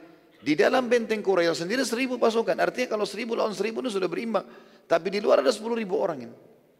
Kita bayangkan teman-teman kalau kita di posisi para sahabat waktu itu. Luar biasa butuh keimanan. Kotanya sudah dikepung gitu kan. Kaum munafik pada saat sudah mendengar pengkhianatan suku Quraidah mulai terlihat satu persatu mulai meninggalkan parit tadi dan mereka keluar dari pasukan muslimin ya. Sampai-sampai mereka berusaha mempengaruhi pasukan muslimin. Ada sebagian mereka terpengaruh. Di antara sahabat dikatakan, coba sudah berkhianat loh. Di depan 10 ribu orang. Di sini ada seribu orang. Kita kalahin. Lebih baik kita mengalah. Kita ngalah serahkan aja Madinah sudah selesai. Keluar semua orang-orang munafik. Ya. Dan pada saat itu teman-teman sekalian orang munafik itu tidak banyak. Sekitar 20-30 orang. Tapi ini sumber gosip. Lepar sebar sana berita, sebar sana berita. Jadi ada banyak sahabat terpengaruh. Dalam beberapa asar disebutkan sampai-sampai dari seribu orang sahabat, berapa puluh munafik, eh, berapa berapa orang munafik keluar. Tentu tadi yang ke rumah Jabir seribu itu semua murni sahabat. Orang munafik nggak ada yang ikut di situ. Jadi riwayat Bukhari tadi menjelaskan yang makan di rumah Jabir seribu orang itu adalah semua sahabat yang mulia, tidak ada orang munafik di situ. Orang-orang munafik yang puluhan orang ini keluar dari tempat tersebut lalu mempengaruhi sahabat-sahabat sampai di parit tersisa 300 orang. 700 orang kembali ke rumah mereka. Khawatir jangan sampai itu buka benteng, keluarganya diserang. Bukan meninggalkan Nabi SAW. Tapi mereka berpikir bingung, mau harus bagaimana nih? Bertahan di parit atau mempertahankan keluarga-keluarga mereka. Dan ini kita lihat teman-teman, lihat bagaimana efek daripada pengkhianatan suku Quraidah. Garis bawahi kalimat ini karena nanti kita akan bahas ada bab khusus ya pengepungan dan ya peperangan melawan suku Quraidah setelah perang Ahzab nantinya. Suku Quraidah yang mulai merasa bagian dari pasukan Ahzab mulai sombong. Perlu kita ketahui teman-teman, waktu Huyai bin Akhtab datang berbicara dengan Ka'ab bin As'ad tadi, itu terjadi sore. Pasukan Quraisy datang menjelang asar, sudah mau maghrib sore ya, sore lah ya. Kemudian dia langsung negosiasi tadi setelah dia tidak bisa negosiasi pada malam itu juga. Saat ibn Ubadah, saat ibn Mu'ad datang sebelum maghrib. Pengkhianatan sudah terjadi gitu kan. Di malam hari itu. Maka malam itu Nabi SAW lagi bermusyawarah dengan para sahabat. Kira-kira apa jalan keluar. Dan perlu kita tahu teman-teman pada saat itu musim dingin. Dinginnya luar biasa. Dan Madinah ini terkenal kalau dingin, bisa sampai 5 derajat, bisa sampai 2 derajat, ya. Kamu itu masih mahasiswa di sana luar biasa memang, ya. Kalau pas lagi musim dingin, agak beda dengan Mekah, karena Mekah banyak gunung-gunung, Madinah itu datar. Jadi musim dinginnya merata, seperti itulah. Waktu itu perang Ahzab lagi musim dingin luar biasa. Teman-teman sekalian, orang-orang Quraidah anak-anak apa prajurit-prajurit mereka dan pimpinan mereka saling berkata begini. Dari uh, di sebelah benteng kita ini, jadi di dalam Madinah waktu itu ada banyak benteng-benteng. Setiap suku punya benteng-benteng sendiri. Ada satu benteng suku Aus milik suku Aus di Madinah itu disepakati oleh kaum muslimin diletakkan dalam benteng itu semuanya perempuan, semuanya anak kecil, semuanya hewan-hewan ternak mereka, kemudian juga semua perbekalan harta dan orang tua dikumpulin di benteng itu. Suku Quraidah karena mereka tadinya ada punya kesepakatan damai dengan Nabi SAW, mereka tahu benteng ini dan mereka tahu di sini ditaruh perempuan-perempuan muslimat, gitu kan? Maka mereka sepakat mengatakan, kalau begitu kita pesta dulu.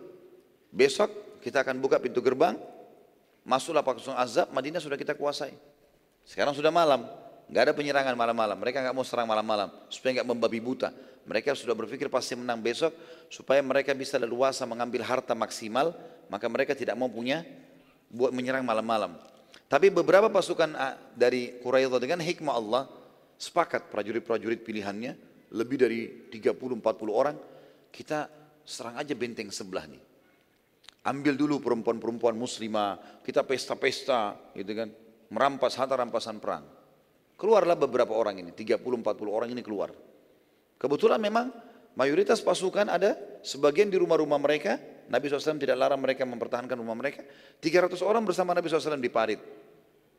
Tidak ada yang ke benteng ini, mereka mempertahankan rumah-rumah mereka. Benteng ini tidak dibuka. Karena perintah Nabi SAW, kalau mereka mempertahankan rumah mereka, bertahan di sekitar penjuru kota Madinah silakan. Tapi jangan ke benteng itu. Benteng itu nggak boleh diganggu. 40 orang ini Yahudi datang ke sekitar benteng. Mereka mau mau mau membuka benteng, ya, mau menyerang. Terus mereka sudah persiapkan kurang lebih 500 pasukan di belakang yang siap berjaga-jaga kalau ada umat Islam yang melawan diserang. Sudah sampai seperti itu di malam hari. 40 orang ini mengintai sekitar benteng, tidak kelihatan ada pasukan muslimin. Kemudian satu orang bilang, saya coba naik ke atas. Saya mau naik nih. Kebetulan muslimin Waktu itu orang-orang tua, di antaranya ada orang sangat tua, sahabat Nabi yang mulia namanya Hasan ibn Thabit radhiyallahu anhu. Umurnya waktu itu sudah 80-90 tahun. Penyair Nabi SAW. Dan tidak punya keterampilan perang. Gitu. Beliau dilarang oleh Nabi SAW untuk ikut berperang. Hasan ibn Thabit lagi di atas benteng bersama dengan banyak wanita muslimah. Tapi mereka sembunyi.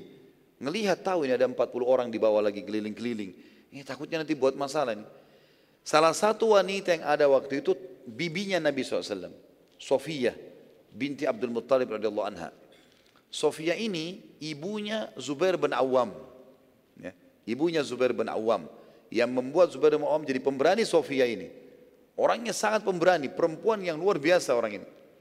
Dia bilang sama Hasan, wahai Hasan, dari sekian puluh orang di bawah itu, ada satu orang mau naik ke benteng, kelihatan, tuh orangnya, mereka lihat dari atas, tuh orangnya lagi naik.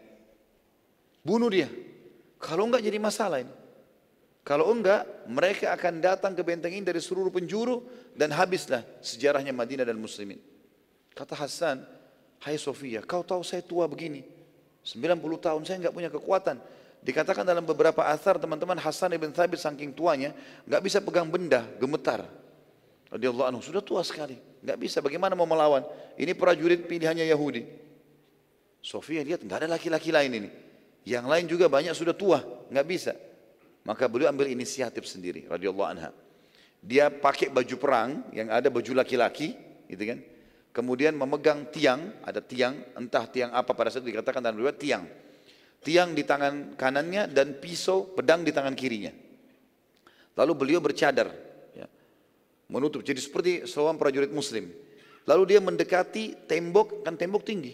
Pada zaman itu tembok di atas 10 meter, tingginya tinggi sekali. Naiklah satu orang ini. Dia tidak sangka kalau di atas itu ada orang yang menunggu. Sofia sudah nunggu radhiyallahu anha.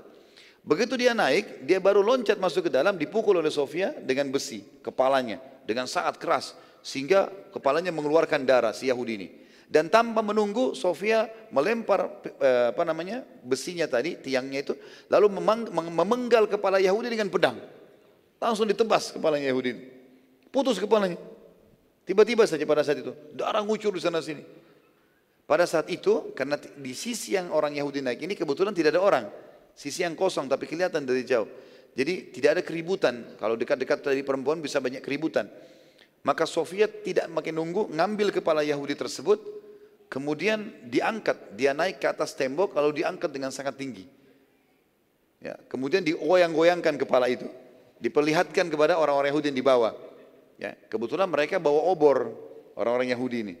Maka Sofia melempar kepala Yahudi tersebut gelinting ke bawah. Gara-gara kejadian ini, ya, maka orang-orang Yahudi di bawah yang prajurit pilihan yang 40 tadi, 39 orang sisanya, mereka bilang demi Allah benteng penuh dengan pasukan. Ini yang naik ini kebetulan dari 40 orang itu orang yang paling mahir keterampilan perangnya bisa. Tapi dia tidak sangka kan mati. Dipenggal kepalanya seketika. Tambah lagi Sofia mengangkat badan tersebut didorong, dijatuhkan juga, gitu kan. Maka dipastikan kalau ini memang adalah si Yahudi tadi. Maka 40 orang itu memberitakan kepada 500 pasukan, mereka semua kembali ke benteng. Dan ini menandakan sifat pengecutnya orang Yahudi. Kembali ke benteng, mereka bilang kita nggak bisa. Benteng ini dijaga muslimin. Gitu kan. Lalu mereka pertimbangkan, besok jangan sampai kita buka buru-buru buka pintu gerbang nih. Jangan sampai nanti betul-betul pasukan muslimin banyak, begitu dibuka kita yang pertama kena. Kalau pasukan Ahzab pergi, habis kita nih. Gitu kan. Seperti itulah. Dan ini kejadian yang luar biasa pada saat itu. Bagaimana andil Sofia radhiyallahu anha dan Sofia memang orang yang pemberani. Kalau teman-teman ikuti ceramah saya di YouTube tentang Zubair bin Awam radhiyallahu anhu salah satu dari 10 sahabat yang dijamin masuk surga, itu dilatih keberaniannya oleh Sofia dengan cara Sofia selalu membawa Zubair di waktu malam di tempat gelap. Selalu lawat, tempat gelap. Lalu dibiarkan di situ gelap. Sofia biarkan lepas tangannya. Ada Sofia di sekitar itu, tapi dibiarin. Kalau Zubair nangis dipukul. Enggak boleh nangis. Sampai keluarganya pada hardik, hai Sofia, jangan gini anak kamu. Dia bilang, enggak, saya mau dia jadi pemberani. Apa hasilnya kira-kira teman-teman? Zubair bin Awam, saking beraninya, kalau mau berkecamuk peperangan, dia selalu di depan. Jadi kalau ini pasukan musuh, pasukan muslim di belakang, dia sudah maju ke depan. Di depan musuh begini, tinggal tunggu takbir dia serang. Dan sendirian, Terkenal dia selalu bawa dua tombak tajam, diberikan warna-warna kuning. Entah bagaimana caranya tapi jelas begitu. Selalu terkenal sampai pasukan-pasukan musuh itu kalau ada Zubair di dalam, kan Zubair hidup sampai zaman Ali radhiyallahu anhu. Zubair bin Awam, peperangan-peperangan semua dihadiri sama dia dan pasukan musuh selalu bilang, kalau ada pemilik dua tombak di depan hati-hatilah. Karena dia begitu, dia tunggu nih depan musuh ini musuh, takbir Allah Akbar dia serang duluan. Terus dia serang sampai ke ujung musuh, dia kembali lagi. Begitu selalu. Jadi saking berani dan ini didikan dari Sofia radhiyallahu anha. Luar biasa dan ini juga sebuah pelajaran teman-teman sekalian. Jangan biasakan takut-takuti anak-anak kita. Jangan ke belakang ada momo. Apa ini? Itu kecoa, kecoa. Takut sama kecoa. Inilah haula wala quwata illa. Pernah ada tamu datang ke rumah saya begitu. Entah tamu ini bagaimana ceritanya tapi dia takut sama kecoa. Tiba-tiba anak saya, saya pas pulang, masuk rumah, lari. Kenapa lari nak? Enggak biasanya lari. Ada kecoa. Saya panggil nak, mana lebih besar, kamu atau kecoa? Saya berarti. Baik, kenapa takut sama kecoa? Kecoa itu kalau lihat kamu lari sebenarnya. Tapi ini contoh teman-teman, takut yang tidak masuk di akal. Bagaimana kalau sudah bicara masalah menebas lehernya musuh, melawan musuh? Ini enggak boleh ini. Sifat pengecut itu tidak boleh. Makanya salah satu doa Nabi SAW, Wa bika minal jubun. Jubun itu pengecut. Enggak boleh. Dan lari dari kancah peperangan adalah dosa besar. Enggak boleh. Sampai Nabi SAW masukkan dalam tujuh induk dosa besar di antaranya tawalli yawmaz zahf. Lari dari kancah peperangan. Tidak ada sifat pengecut bagi seorang muslim. Kebenaran dihadapi sampai dia mati. Kalau ajal datang pasti matilah. Enggak ada urusannya dengan kejadian. Kan seperti itu. Maka ini perlu digarisbawahi teman-teman. Penting sekali. Bagaimana Sofia mengajarkan kepada kita seorang wanita punya sifat ya jauh dari sifat pengecut dan melani untuk membela kebenaran. Sekarang kita lihat di kancah parit. Di kancah parit keesokan paginya teman-teman sekalian.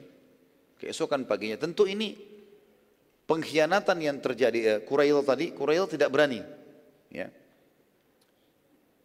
Maka beberapa hari orang-orang Quraisy terus saja minta Qurail minta nggak berani. Ada satu korban kami, kami nggak mau buka ini. Terus saja. Tiap hari seperti itu teman-teman sekalian, Quraisy tidak mau buka pintu. Quraisy keliling-keliling cari jalan keluar, usaha untuk menyerang tapi tidak bisa. Itu kurang lebih mereka mengepung 43 hari. Riwayat lain sekitar 45 hari mengepung kota Madinah, Parit. Kurang lebih, kurang lebih mungkin di hari 17-nya, di hari ke-17 dari pengepungan orang-orang Quraisy ini, ada lima orang kesatria mereka yang berhasil mencari ide, ya, mereka dengan cara uh, diam-diam di waktu malam, mereka coba di waktu malam, sahabat mengintai. Ada di antara mereka yang coba menepuk-nepukkan kaki kudanya sehingga kaki kuda itu menjatuhkan tanah. Terus begitu mundur, jatuhkan tanah. Jadi masuk ke dalam parit. Tujuannya adalah coba menutup parit. Tapi mereka sempat dipanahin oleh para sahabat dan mereka berhenti akhirnya. Tapi ada lima orang berhasil dengan cara seperti ini dan akhirnya mereka meloncatkan kudanya di pagi hari, di waktu duha, di hari ke-17 kurang lebih kalau tidak salah pengepungan itu, loncatlah lima orang ini. Yang pertama, dan ini lima-lima kesatria Quraisy, semua dari Quraisy, enggak ada dari suku lain. Yang pertama Amr bin Wud. Amr bin Wud ini termasuk kesatria terkuatnya Quraisy. Ya. Umurnya sudah 80 tahun pada saat itu. Tapi fisiknya sangat kekar, selalu kalau duel menang gitu, terkenal sekali. Dan dia termasuk orang kaya, dia memiliki kuda terbaik di Jazirah Arab, dia juga memiliki baju perang dan pedang yang sangat bagus dan perisainya. Terkenal sangat mahal. Yang kedua Ikrimah bin Abi Jahal, kemudian Hubairah bin Abi Wahab. Hubairah bin Abi Wahab, kemudian Zirar bin Khattab. Zirar bin Akhtab dan yang terakhir Nofal bin Abdullah bin Muawiyah. Jadi Amr bin Wud, Ikrimah bin Abi Jahal, Hubairah bin Abi Wahab, kemudian Zirar bin Khattab, ya. Kemudian yang kelima Nofal bin Abdullah bin Muawiyah. Saya ulangi sekali lagi, lima orang tokoh Quraisy. Dari tiga nanti berhasil lolos, dua nanti akan mati terbunuh. Amr bin Wud, Ikrimah bin Abi Jahal, Hubairah bin Abi Wahab, kemudian Zirar bin Khattab, Naufal bin Abdullah bin Muawiyah. Teman-teman yang nulis, nulisnya karena ilmu ya. Bukan karena mau dapat hadiah buku. Hah? Lima orang ini teman-teman sekalian berhasil loncat. Tujuh meter parit diloncati. Berhasil. Dan begitu mereka loncat gitu kan. Karena mereka tiba-tiba meloncat gitu. Dan kalau tidak salah juga ada beberapa asar yang menyebutkan Quraisy sepakat pada saat itu sibuk memanah ke arah muslimin sehingga muslimin di sebelah parit itu sibuk menangkis itu atau membalas panah. Dan lima orang ini loncat dari satu sisi yang tidak ada peperangan itu. Loloslah mereka. Pada saat mereka lolos supaya mereka tidak diserang rame-rame, Amr bin Wud, orang yang terkuat mereka mengatakan, Hai muslimin, tidak ada penyerangan. Kalau memang betul-betul jantan, kita duel. Seperti itulah. Dan Nabi SAW ada di situ. Ada kemah. Muslimin ada. Di sebelah parit. Makanya teriak, siapa yang melawanku? Kata Amr bin Wud. Gitu kan. Pada saat itu Amr bin Lut kebetulan menutup semua dari kepalanya sampai ke kakinya semuanya besi. Semuanya besi, cuma matanya saja yang kelihatan. Maka ada seorang dari sahabat dari Ansar teriak, siapa kamu ini? Ditanya. Gitu kan? Maka dia mengatakan, saya Amr bin Wud, kesatria Mekah. Waktu mendengar Amr bin Wud, para sahabat tahu siapa Amr bin Wud ini. Kalau duel selalu menang, keterampilan pedangnya bagus, hebat. Rupanya tidak ada sahabat yang maju. Begitu kisahnya. Bukan berarti mereka pengecut karena waktu itu mereka menunggu tita Nabi alaihi. Nabi ada di situ. Salah satu hal yang dijaga sekali oleh para sahabat mereka tidak akan berani melangkah kalau Nabi nggak perintahin. Nabi perintahin mereka tidak akan bantah. Jadi bukan karena pengecut. Amr bin Wud tidak ada yang lawan pada saat itu. Pada saat dia mengatakan Amr bin Wud, memang namanya juga dikenal orang ini. Maka semua sahabat diam. Tidak ada yang nyaut. Tunggu Nabi SAW instruksikan. Satu-satunya sahabat yang bicara Ali bin Abi Thalib radhiyallahu anhu. Ali mengatakan di sebelah Nabi, "Ya Rasulullah, izinkan saya melawannya." Ali bin Abi Thalib waktu itu umurnya 25 tahun. Masih muda sekali. Dibandingkan Amr bin yang 80 tahun. Tapi 80 tahun kesatria ini teman-teman sekalian. Kuat sekali. Nanti kita lihat bagaimana dia duel dengan Ali bin Abi Thalib. Saking kuatnya dia bisa memecahkan perisainya Ali. Gitu kan.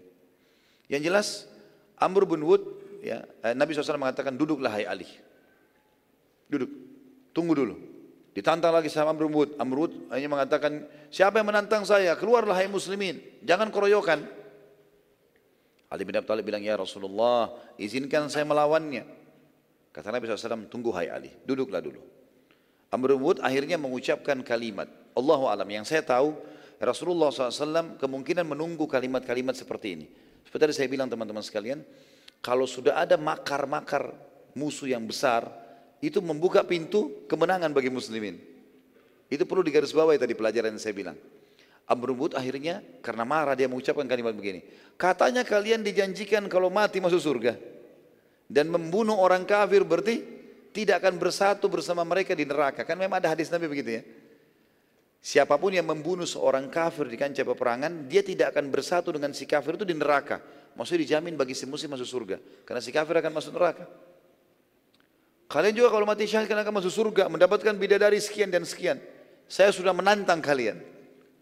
Kata Nabi SAW, sekarang hai Ali. Silakan keluar. Lalu Nabi SAW doakan. Pada saat itu Ali pun keluar. Ali bin Abi Thalib, karena masih muda, dan juga pakai sama, pakai topi besi, tapi daerah wajah Ali kelihatan dari Allah. Amr tidak kenal dia. Karena dianggap ini anak yang kemarin baru lahir gitu, bagi dia. Dia tanya, siapa kamu? Kata Amr bin Wud. Dia juga mau maksudnya ditantang dengan orang yang sepadan gitu. Kata Ali, Ali. Kata dia, Ali bin Muawiyah. Ali bin Muawiyah senior juga. Sudah masuk Islam. Orang Mekah. Terkenal juga mahir pakai main pedang gitu. Tapi Nabi tidak suruh gitu kan. Dia bilang bukan. Ali bin Abi Talib. Abu Talib kalau masih hidup seumur sama Amr bin Wud. Langsung kata Amr bin Wud, pulanglah hai ponakanku. Kau bukan tantangan saya, lawan saya. Kau bukan lawan saya. Kata Ali, hai Amr bin Wud, saya dengar, saya mendengar, engkau tidak ditawarkan dua hal kecuali kau pilih salah satunya. Karena kalau kau nolak berarti kau malu gitu kan. Dia bilang benar. Apa itu? Kata Ali, saya tawarkan kamu dua hal. Kata Amr bin apa itu? Dia bilang yang pertama, saya mengajakmu mengucapkan asyhadu an la ilaha illallah wa anna Muhammad Rasulullah. Syahadat. Dan ini tradisi kesatria muslim.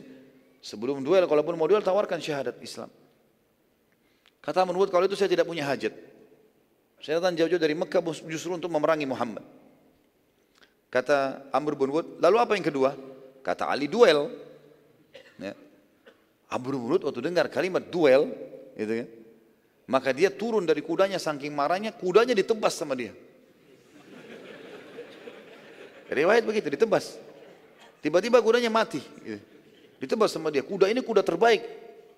Ditebas sama dia. Kenapa? Sebagian dari sejarah mengatakan karena waktu itu Ali bin Abi Thalib jalan kaki. Nggak pakai kuda. Kan dari kemah jalan kaki. Amr udah ada kuda. Dan Ali bin Abi Thalib siap duel dengan dia. Dia pakai kuda pun tidak ada masalah. Supaya dia tidak dipermalukan, dia turun lalu dia tebas kudanya. Kemudian dia langsung tiba-tiba menyerang Ali bin Abi Thalib dengan sangat emosi pada saat itu. Mulailah terjadi duel serang, tangkis, pukul segala macam sampai dalam kisah ini dikatakan para sahabat menyaksikan mengatakan kami belum pernah menyaksikan duel sehebat itu sampai debu berterbangan dan tidak kelihatan kecuali samar-samar keduanya. Terus saja seperti itu sampai akhirnya Ali bin Abi Thalib radhiyallahu anhu sempat dipukul dengan sangat kencang. Amr bin memegang pedangnya dengan kedua tangannya lalu memukul ke arah kepala Ali radhiyallahu anhu. Dan saking kuatnya pukulan tersebut, Ali sempat menangkis dengan perisai, perisainya pecah. Gitu kan, saking kuatnya. Dan perisai teman-teman susah untuk pecah. Waktu itu mereka buat dari besi, gitu, kuat. Pecah perisai tersebut. Dan saking kuatnya bukan cuma pecah, uh, apa perisai tersebut tertekan sampai ke pundak Ali radhiyallahu tapi Ali tidak sempat luka. Dalam kondisi seperti itu, ternyata pedangnya Amr tertancap. Pecah tapi ini juga tertancap, gak bisa dicabut. Maka Ali bin Abi Thalib menebas Amr bin dari kemaluannya dalam riwayat dikatakan begitu dan ditarik sampai ke atas gitu. Sehingga matilah Amr bin Wud, jatuh pada saat itu, tapi masih ada banyak debu, orang nggak tahu siapa yang menang, siapa yang kalah nih. Sampai dalam riwayat ini dikatakan terdengar takbirnya Ali. Terdengar takbirnya Ali, Allahu Akbar, maka Nabi SAW pun bertakbir Allahu Akbar. Melihat Ali bin Abi Thalib keluar dari debu itu. Dalam kemudian debu itu sudah hilang, terlihat Amr bin jatuh di situ. Maka Umar bin Khattab datang mendekati Ali. Lalu mengatakan, Allahu Akbar hai Ali, kau sudah menang. Kata Ali, Allahu Akbar. Kemudian kata uh, uh, Umar, hai Ali, kenapa kau tidak ambil pedangnya? perisainya, baju perangnya. Itu kan semua bagus itu. Yang terbagus dari Amr itu terkenal sekali. Kata Ali, karena kan orang kalau duel teman-teman seperti ini, semua miliknya musuh jadi haknya dia, ganimanya dia. Beda kalau perang lagi berkecamuk. Kalau pasukan musuh sama kafir lagi, pasukan muslim sama kafir lagi saring serang, terus pasukan kafir kalah, semua yang ditinggalkan oleh pasukan musuh itu jadi ganima tapi tidak boleh diambil secara individu. Harus dikumpulin nanti panglima perang yang bagi rata. Kalau ada orang yang ngambil duluan, itu namanya berkhianat. Dan itu dosa besar. Mengambil ghanimah kalau perang sudah berkecamuk nggak boleh sebelum dibagi. Kalau sudah dibagi nanti oleh panglima baru bisa. Tapi kalau duel seperti ini dia punya hak. Kata Ali, saya tidak mau mengambilnya. Karena tadi waktu saya sedang menebasnya saya melihat sendiri auratnya terbuka. Dan saya benci dengan dia dan saya benci juga dengan hartanya. Saya tidak ingin semuanya. Melihat Amr bin Wud dikalahkan oleh Ali bin Abi Thalib teman-teman sekalian. Yang mereka anggap orang ini paling hebat sekali.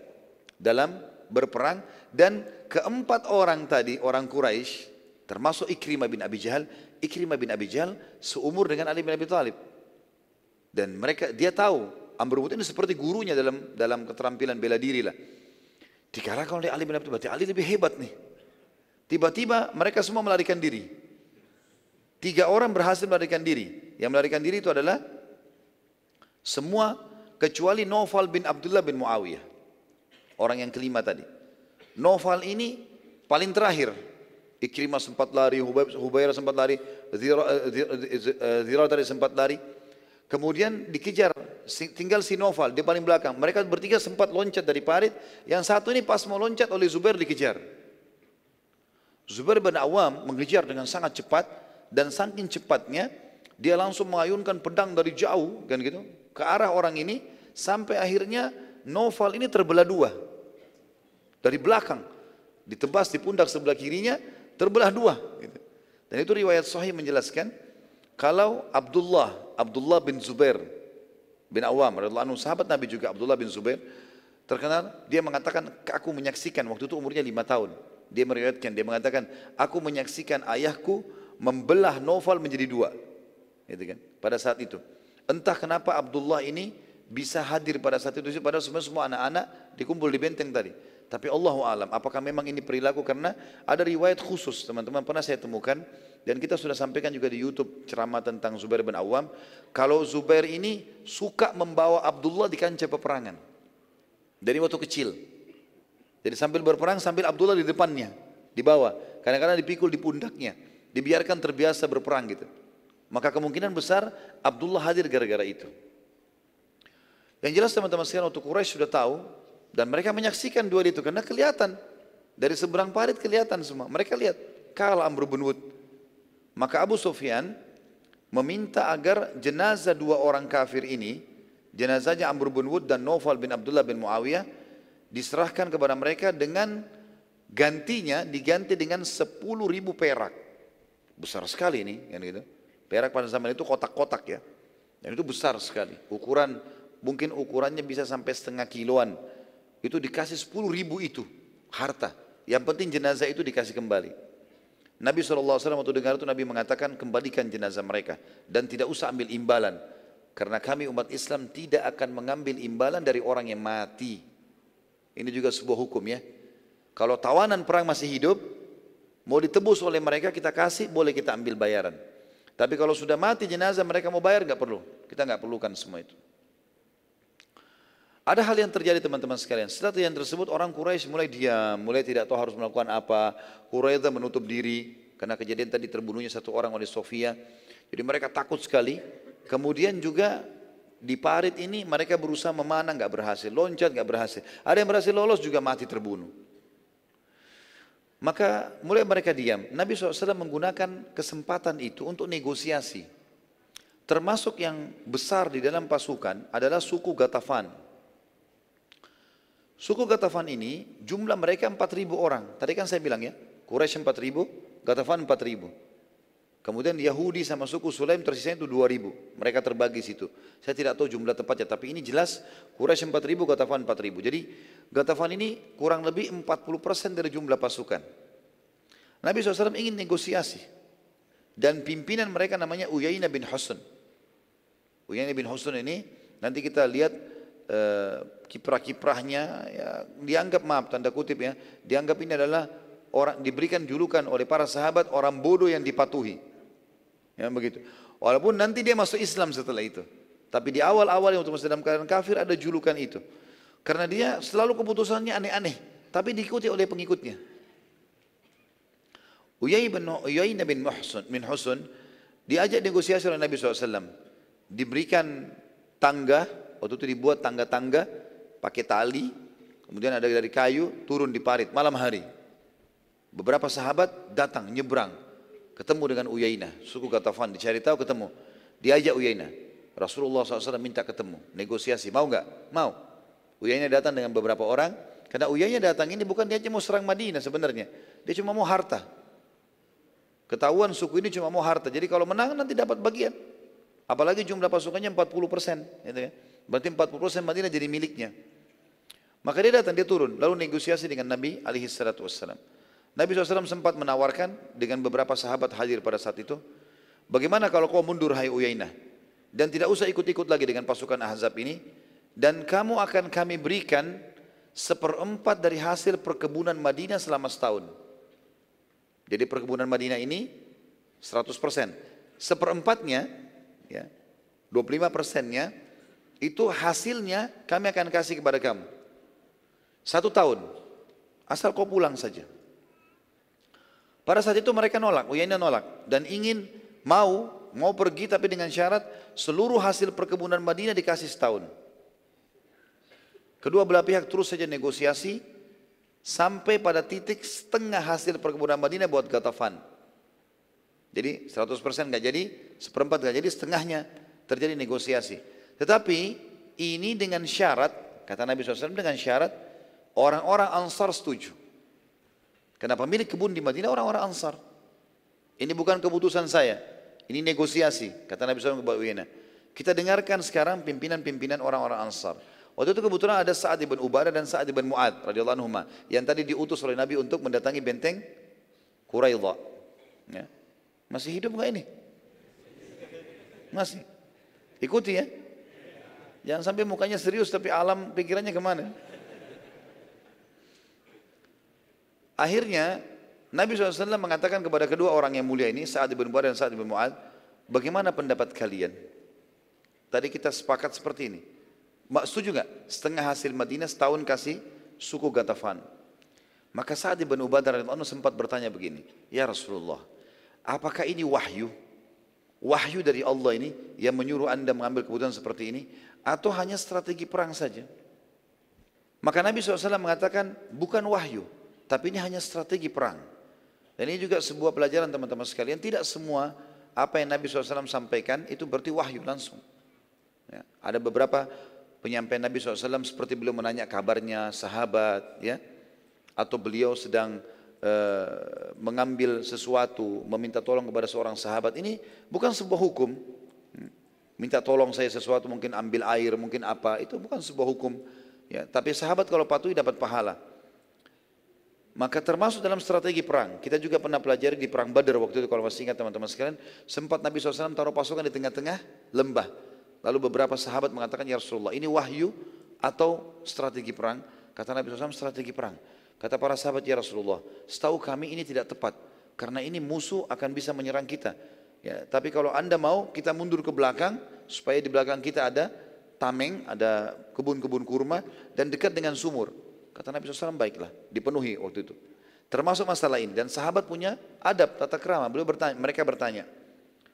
Saat berkata lagi pada saat itu, apakah jiwa anda ya Rasulullah ridho dengan ini? Anda mau ini kami kasih setengah hasil kebun kami setahun untuk Gatafan? Anda sendiri mau? Kami sudah tahu ini bukan wahyu, tapi anda pribadi mau enggak? Kata Nabi SAW, tentu tidak. Tapi keadaan sekarang. Kalau 4.000 orang ini pulang, ini tentu bukan di depan Uyainah ya. Uyainah tidak ada. Ini Nabi SAW negosiasi dengan saat sama. Ini. Kemudian kata Nabi SAW tentu tidak. Maka saat berkata, wahai Rasulullah, saya ingin bertemu dengan Uyainah. Bertemu. Saat Ibn Ubadah, saat Ibn Mu'ad, Nabi SAW dan beberapa sahabat saksikan, beberapa suku Katafan saksikan. Tadi sudah sampai pada titik setengah kesepakatan. Kata dia, diulangi lagi, ya Rasulullah, Kata Nabi SAW, hai Uyana dengarkan keputusannya orang-orang Ansar. Kata Sa'ad ibn Ubadah dan Sa'ad ibn Mu'ad, ya Rasulullah, bila wahyu, maka kami akan patuh. Kalau ini wahyu dari langit, kami akan patuh. Bila keinginan anda pribadi, kami juga akan memberikan buat anda, terserah anda. Tetapi bila karena hanya strategi perang, maka demi Allah ya Rasulullah, suku Gatafan ini ditunjuk oleh Sa'ad bin Mu'ad dan Sa'ad bin Ubadah, tidak pernah sebelum kami masuk Islam pun mengambil sebutir kurma dari Madinah kecuali beli atau diberi. Gak pernah kami bayar-bayar kepada mereka uputi, gak pernah. Mereka kalau masuk Madinah, satu butir kurma pun mereka harus beli atau kami yang memberikan. Mereka tidak pernah kita kasih begitu saja karena takut gitu. Bagaimana bisa setelah kami dimuliakan oleh Allah dengan Islam, lalu kami memberikan hanya karena perang, demi Allah mereka hanya akan mendapatkan pedang-pedang kami. Ini keputusan yang luar biasa, gitu kan? Nabi SAW waktu dengar itu, kami, Nabi hadap ke Uyainah. Kata beliau, kalau demikian, seperti yang kalian sudah dengar, hai Uyainah. Enggak jadi kesepakatan. Orang-orang pemiliknya enggak mau. Akhirnya Gatafan pun pulang kembali, bergabung lagi dengan orang-orang Quraisy atau pasukan Ahzab. Suku Gatafan waktu itu sempat terkejut mendengar keberanian saat dan mereka juga saat itu yakin sekali, yakin setelah sekian puluh hari ya, be, eh, mengepung Ahzab, mengepung, uh, dengan pasukan Ahzab mengepung Madinah tidak bisa tembus. Dan mereka tahu siapa Sa'ad ibn Ubadah, siapa Sa'ad ibn Mu'ad.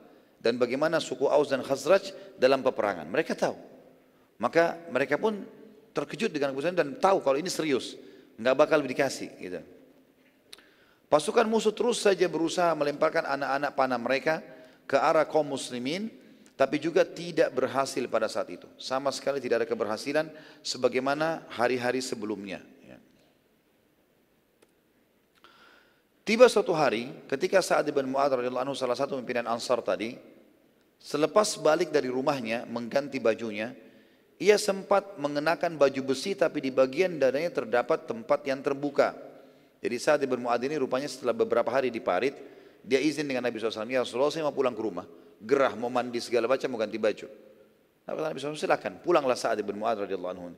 Waktu dia pulang ke rumahnya, rupanya dia ganti semua bajunya, dia ganti juga baju perangnya. Baju besinya di bagian dadanya ada yang terbuka. Ya, tidak ada besi di situ. Pada saat dia mau balik ke parit, sempat dilihat oleh Ummul Mukminin Aisyah radhiyallahu anha. Dalam riwayat sahih dikatakan, maka Aisyah berkata, aku khawatir baju tersebut bagian dadanya akan membahayakannya. Karena saat lewat di depan rumah Nabi SAW menuju ke parit. Aisyah sempat melihat sepintas, lalu terlihat baju perang itu. Terlihat karena orang baju perang besinya dari lehernya sampai ke ter, terturun sampai ke perutnya. Gitu kan. Maka Aisyah mengatakan, saya khawatir ini malah bisa membahayakan saat. Subhanallah, ketika saat sudah masuk lokasi parit, tiba-tiba ia terkena di sekitar dada itu sebuah anak panah yang membuatnya akhirnya terjatuh dan berdarah. Lalu para sahabat segera membawanya ke Nabi alaihi salatu wassalam. Nabi SAW lalu mencabut anak panah tersebut dan darah keluar dengan deras dari arahnya. Lalu Nabi SAW memanaskan besi yang kalau dalam istilah agama eh, di istilah bahasa Arab namanya kai. Kai, pengobatan kai. Besi panas kemudian diletakkan di tubuh yang sakit gitu ya. Dan kemudian menempelkan pada luka saat dan darah pun akhirnya berhenti pada saat itu. Nabi SAW tentu dalam riwayat membolehkan pengobatan kai tapi dijadikan pengobatan yang terakhir.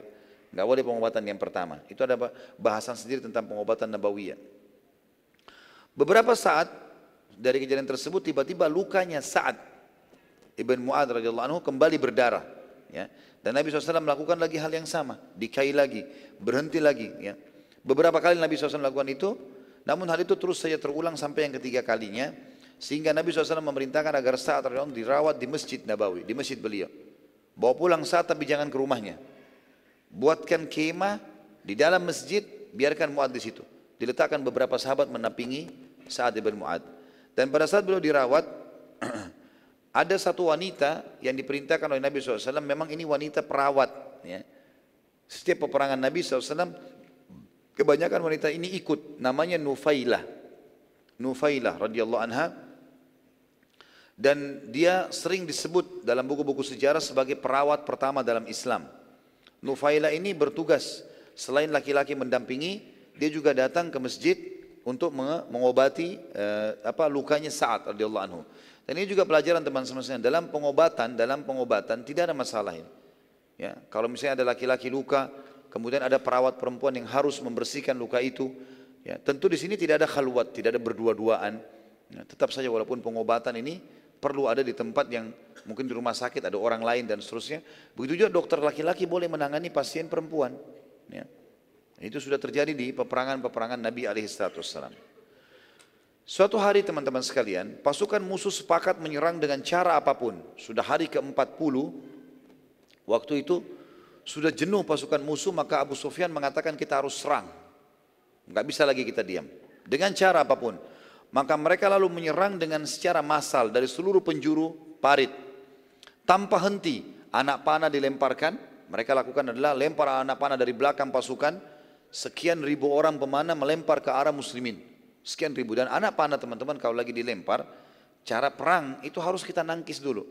Enggak bisa anak panah kemudian tiba-tiba kita juga memanah, akan kena. Maka harus nangkis. Dan cara menangkisnya yang paling aman adalah orang-orang duduk sambil pegang perisai. Sehingga anak panah itu tidak kena. Kalau berdiri bisa kena kakinya, bisa kena pahanya. Maka mereka harus duduk, mereka sambil pegang perisai. Perisainya itu bisa melindungi dari anak panah.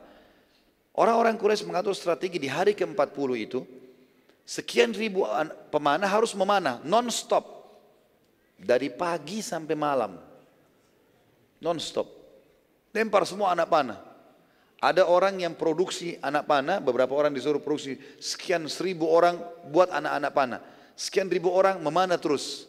Sisi yang lain, di depan para pemanah, pemanah ini melempar panah kalau jarak jauh dibuat kayak mencikung begitu ya. Jadi bukan dipanah lurus, tapi dibuat mencikung. Dan ini memang ada keterampilan khusus.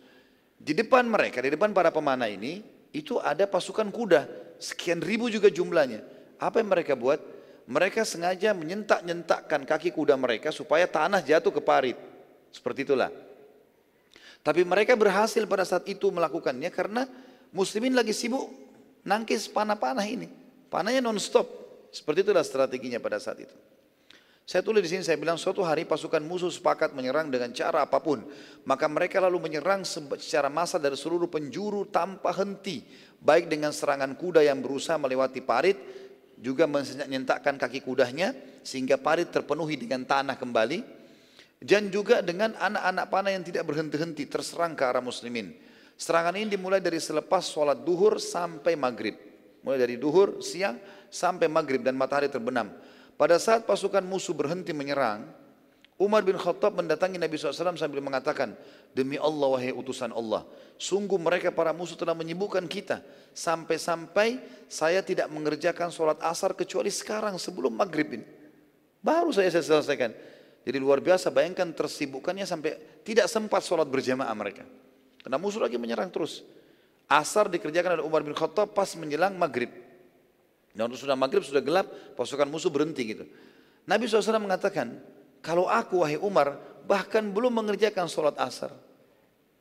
Nabi SAW sendiri belum sholat waktu itu. Karena berada di depan parit. Dan tidak bisa. Bergerak sedikit kena panah. Panah non-stop gitu. Ya. Maka Nabi SAW pun menanyakan kepada para sahabat, siapa yang belum sholat asar? Ternyata cukup banyak yang belum yang belum sholat. Maka Nabi SAW mengimami mereka sholat asar sebelum mengerjakan sholat maghrib. Lalu setelah sholat asar, Nabi SAW, eh, Nabi SAW sholat asar dulu kemudian baru sholat maghrib. Dan kejadian ini teman-teman diambil juga sebuah hukum syar'i. Bila seseorang terhalangi sholat sampai akhir waktu dengan udur syar'i, maka ia boleh saja tetap mengerjakannya dengan berurut dari yang tertinggal dahulu barulah yang telah masuk waktunya. Misal, misal ada orang di atas kapal ombak besar terjadi. Kapal tergoncang-goncang, nggak mungkin sholat. Gimana caranya? Dia harus berpegang. Kalau enggak ini bahaya, bisa bisa berbahaya buat dia. Misal terjadi ombak dari waktu sholat sehingga tiba waktu sholat yang setelahnya. Sekian jam, dia nggak sempat sholat. Maka dia boleh boleh sholat ini. Gak ada masalah. Atau ada orang pingsan. Atau dia dibius operasi. Ternyata obat biusnya tidak Selesai kecuali sampai dia dia sadar sudah waktu sholat yang akan datang masuk. Maka boleh dia kerjakan pada saat itu. Tapi tetap berurut. Kayak kasus tadi misalnya, asar tertinggal tapi udur syar'i. Kemudian maghrib masuk, maka tetap asar dulu baru maghrib. Nggak boleh maghrib dulu, tetap berurut walaupun dia sudah lewat waktunya. Tapi ini sekali lagi ya teman-teman sekalian, orang yang punya udur syar'i. Udur syar'i, jangan dikarang-karang. Lalu Nabi SAW setelah itu berdoa di malam itu juga. Setelah sholat maghrib, para sahabat mendengarkan beliau mengatakan, Ya Allah, tutupilah rasa khawatir dan aurat kami. Orang Arab biasa membahasakan aurat ini adalah diri, keluarga, dan harta. Jangan sampai musuh berhasil menguasai kami. Ya Allah, zat yang telah menurunkan kitab Al-Quran, zat yang telah mengatur awan-awan, sangat cepat hisapnya. Zat yang mampu mengalahkan pasukan sebanyak dan sekuat apa pun, porak-porandakanlah mereka. Dan doa Nabi SAW diijabah oleh Nabi, oleh Allah Subhanahu Wa Taala. Dan ini juga pelajaran teman-teman. Lihat ya, bagaimana Allah Subhanahu Wa Taala menjawab ijabah doa hamba-hambanya. Tadi Nabi sudah berdoa ya, porak-porandakan ya Allah.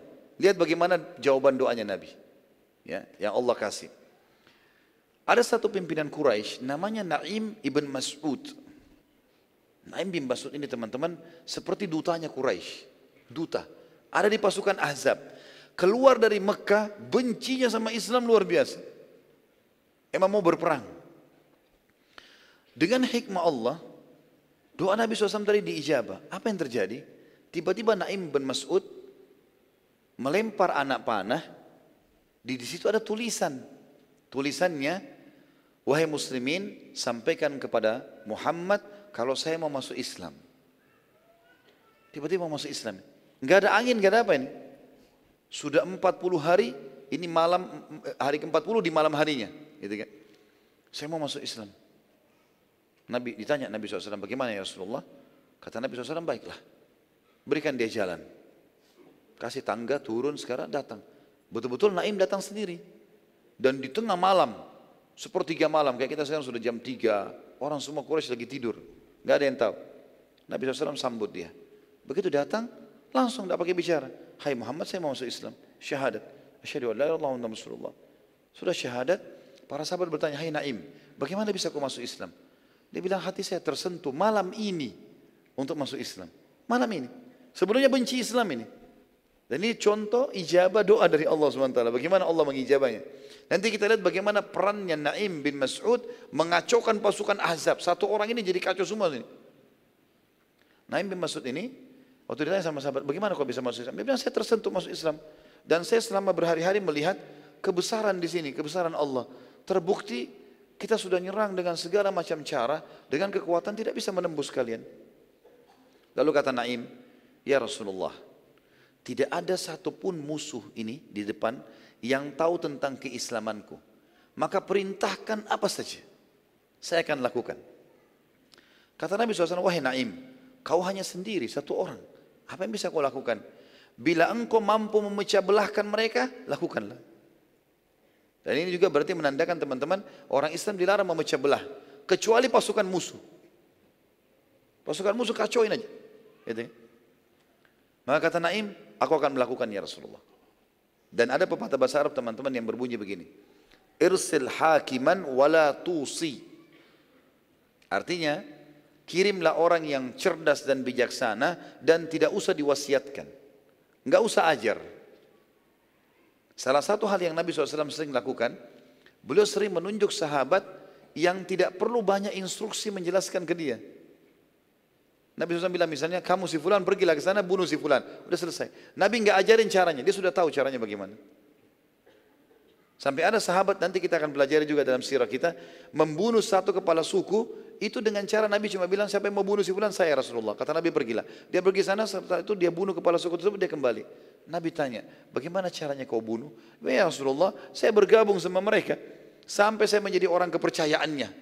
Kata Nabi, bagaimana kau sholat? Dia bilang saya sholat dengan isyarat mata. Orang ini. Di pasukan musuh, dia nggak bisa sholat. Kalau dia sholat jadi masalah. Kan gitu. Tapi Nabi SAW tidak salahkan itu. Ini di kem musuh. Ya. Bukan di mobil, di motor. Perhatikan baik-baik, sudah pakai bahasa Indonesia. Jangan lagi salah gunakan. Naim bin Mas'ud radhiyallahu anhu turun. Ini orang bijaksana, orang yang cerdas. Nabi nggak cuma bilang kalau kau bisa kacauin silakan. Dia bilang saya lakukan ya Rasulullah. Dia punya cara sendiri. Dia turun dari parit, naik lagi ke parit sebelah, gitu kan? Oleh sahabat diaturkan. Caranya bagaimana Allah alam jelas naik. Kemudian yang paling pertama waktu dia masuk ke pasukan, dia tunggu sampai mulai terang pagi, awal pagi subuh gitu. Dan ini teman-teman sekalian yang paling pertama dia datangi adalah suku Quraidah. Kan suku Quraidah ini berkhianat ya dari kesepakatan dengan Nabi SAW. Apa yang dia lakukan? Dia datang ke benteng mereka. Panggil, hai Kaab, hai Kaab. Pasukannya Kaab lihat, Naim bin Mas'ud. Salah satu, jadi setelah Abu Sufyan, Naim bin Mas'ud pemimpin di Quraisy. Ini oh, kepemimpinannya Quraisy. Dibukain pintu gerbang. Lalu Naim masuk. Setelah masuk, ngobrol-ngobrol sama orang Yahudi, tokoh-tokoh Yahudi disuruh kumpul sama dia. Lalu dia mengatakan, bukankah kalian mengenal saya dengan baik? Kata orang-orang Yahudi, tentu saja. Bukankah kalian tahu bagaimana kedudukanku di kaumku? Siapa aku ini kalian tahu kan? Oh iya tahu. Setelah Abu Sufyan dia, Abu Sufyan mati nih jadi raja di Mekah. Naim bin Mas'ud. Lalu dia bilang, bukankah kalian juga sudah tahu bagaimana kebencianku pada Muhammad dan agamanya? Kata Yahudi, iya. Kami tahu itu. Kalau tidak benci tidak mungkin mau memerangi sampai ke Madinah. Lalu orang-orang Yahudi mengatakan, memang ada apa hai Naim? Naim berkata, kita telah mengepung tempat ini selama satu setengah bulan, empat lima hari. Ini sudah masuk waktu empat lima hari. Ya. Jadi tadi kurang lebih 40 45 hari ya, kurang lebih seperti itu. Bisa juga dikatakan ini adalah hari ke-41. Kita sudah mengepung 40 hari, 41 hari. Dan aku melihat Quraisy sudah merasa jenuh, kata dia. Bila mereka balik, tiba-tiba balik nih, hari ini balik tiba-tiba, maka tertinggallah kalian sendiri di kota Madinah. Dan pastilah dengan jumlah kekuatan kalian saja tidak akan mampu mengalahkan Muhammad. Terbukti sekarang 10 ribu orang yang kami bawa plus kalian seribu ini tidak mampu mengalahkan. Apalagi kalau kalian cuma sendiri di dalam kota Madinah lagi. Kata orang-orang Yahudi, apa saranmu hai?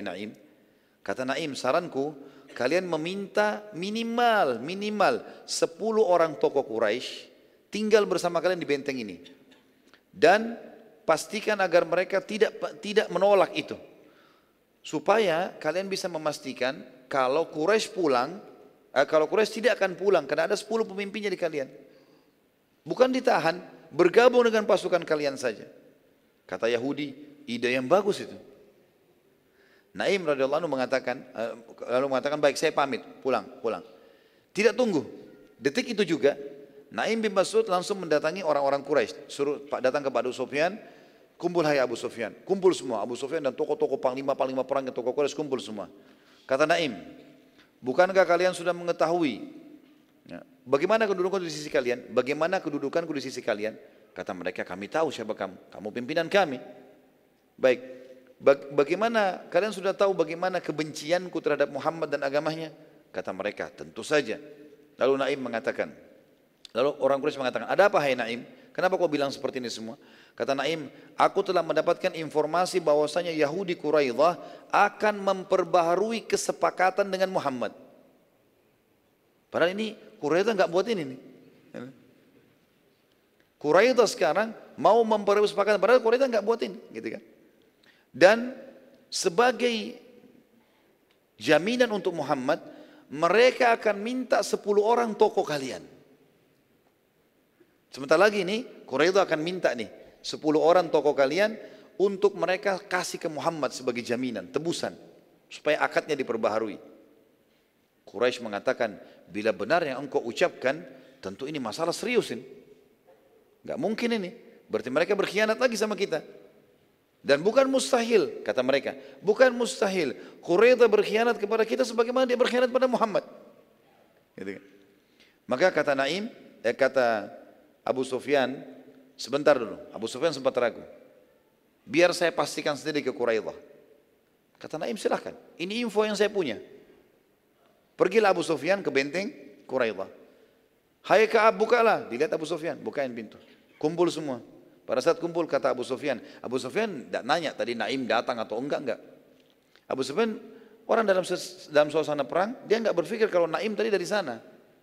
Karena ini kan Naim bilang saya dapat informasi, gitu kan. Abu Sufyan bilang besok kita akan serang. Besok kita akan serang. Kami akan serang lagi seperti kemarin dari dari parit kalian buka benteng kami juga masuk. Kalian jadi benteng kami dari sini. Kata Sufyan, kalian dari arah benteng, sementara kami dari arah perkemahan. Kaum Yahudi mengatakan, kami tahu kalau malam kalian tahu kalau ini adalah malam Sabtu. Kebetulan waktu itu hari Sabtu malam, malam Minggu lah ya kalau kita sekarang. Dan eh, maaf, ini malam Sabtu, hari Jumat malam. Dan besok hari Sabtu. Hari Sabtu kami tidak boleh perang. Dalam agama Yahudi nggak boleh perang gitu. Abu Sufyan bilang baik, kalau begitu kita mulai nyerang di hari Ahad saja. Yahudi bilang, boleh saja, asal dengan syarat. Kalian ikutkan 10 tokoh kalian di pasukan kami. Untuk menguatkan pasukan kami.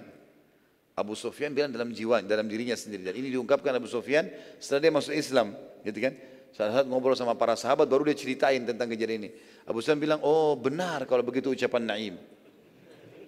Tadi kan mau minta 10 orang. Abu Sufyan maksudnya dengan cara lain dia bertanya gitu. Abu Sufyan bilang baiklah saya akan musyawarah dengan tokoh-tokoh Quraisy sekarang. Kembalilah Abu Sufyan pada saat itu.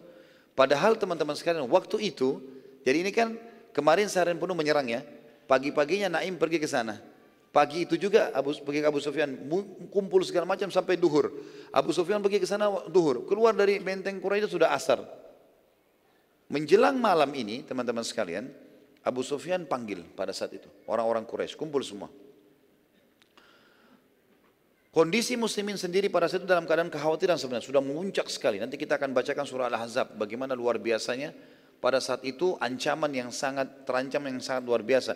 Sahabat juga sudah jenuh dan mereka sempat terserang kemarin yang sangat dahsyat sekali. Kondisi muslimin sangat mengkhawatirkan pada saat dan memuncak khawatir mereka sampai salah satu sahabat mengatakan pada malam itu benar-benar kondisi kota Madinah sangat gelap, sangat dingin dan sangat mencekam. Di hari Jumat malam itu. Di saat lagi dingin-dinginnya teman-teman sekalian, ada satu kejadian unik di sini.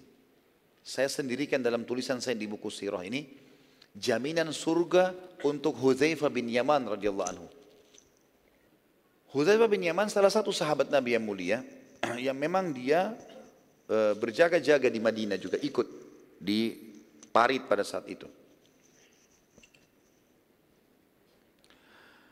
Nabi SAW merasa sepertinya Naim berhasil mengacaukan pasukan musuh karena melihat pada saat itu. Tidak ada uh, serangan hari itu tidak ada, kosong. Sebelumnya hari Kamis mereka menyerang, hari Jumat tidak ada serangan sama sekali. Maka beliau SAW ingin mengetahui berita di hari Jumat malam itu, apa perkembangannya ini. Maka beliau berkata kepada para sahabat waktu itu, siapa yang akan ke musuh dan mendatangkan berita kepada kami sehingga kami mengetahui perkembangan dan baginya surga.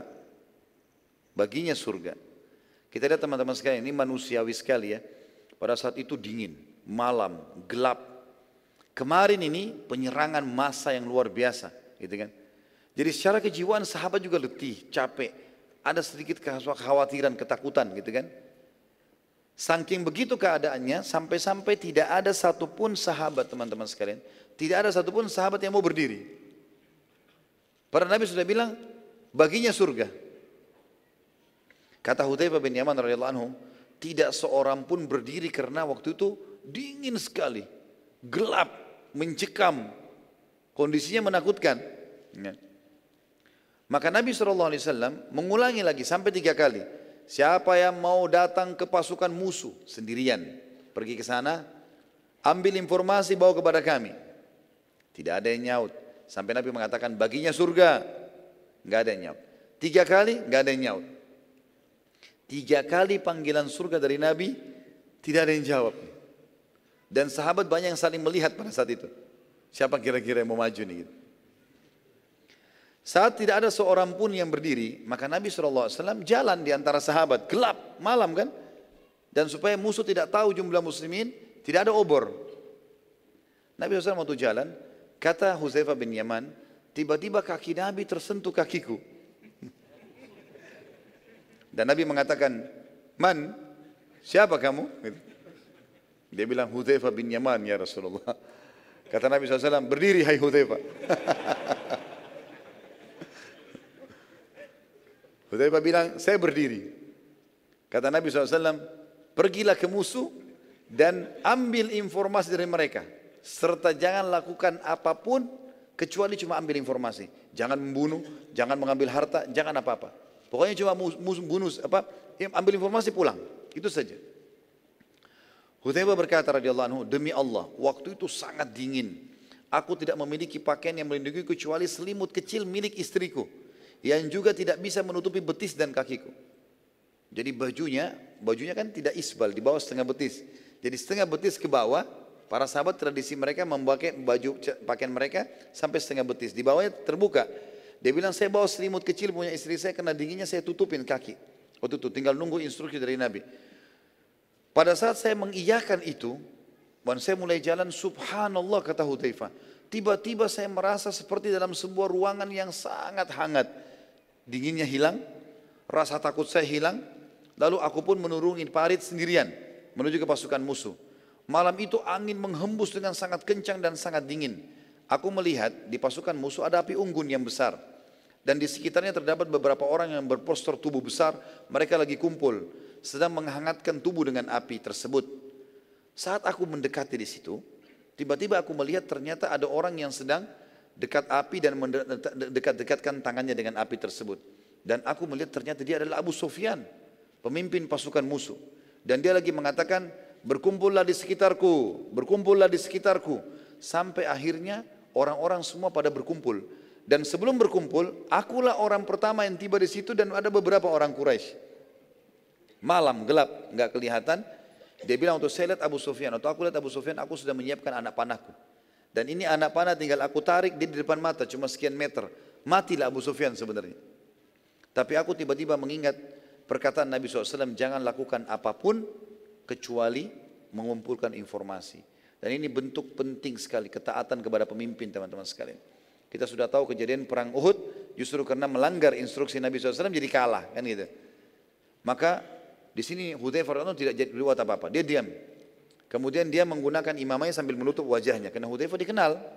Ya, Hudzaifah bin Yaman dikenal. Lalu orang-orang pun pada berkumpul di sekitar Abu Sufyan dan aku juga duduk bersama mereka.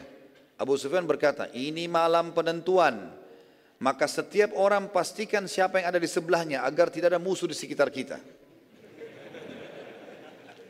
Kata Hudzaifah, aku sempat bingung karena kalau bisa ketahuan nih, tidak bisa bawa informasi ke Nabi SAW. Maka dengan pertolongan Allah, ya, dengan pertolongan Allah, aku pun segera bertanya. Jadi Abu Sufyan bilang begini, tanya. Jadi setiap orang gini tanya, siapa kamu? Tanya temannya di sebelah. Kan mereka sudah saling tahu namanya pasukan. Saya fulan, saya fulan gitu. Abu Hudzaifah bilang, karena tiba-tiba kayak Allah ingatkan saya, saya tiba-tiba bilang, siapa kamu? Ditanya orang di sebelah. Dia mengatakan, saya fulan. Kemudian orang semua saling tanya, orang ini lupa tanya saya. Abu Sufyan berkata, apa yang kali apa yang kita lihat dan rasakan dari cuaca dan kesulitan menembus Madinah mengharuskan kita balik.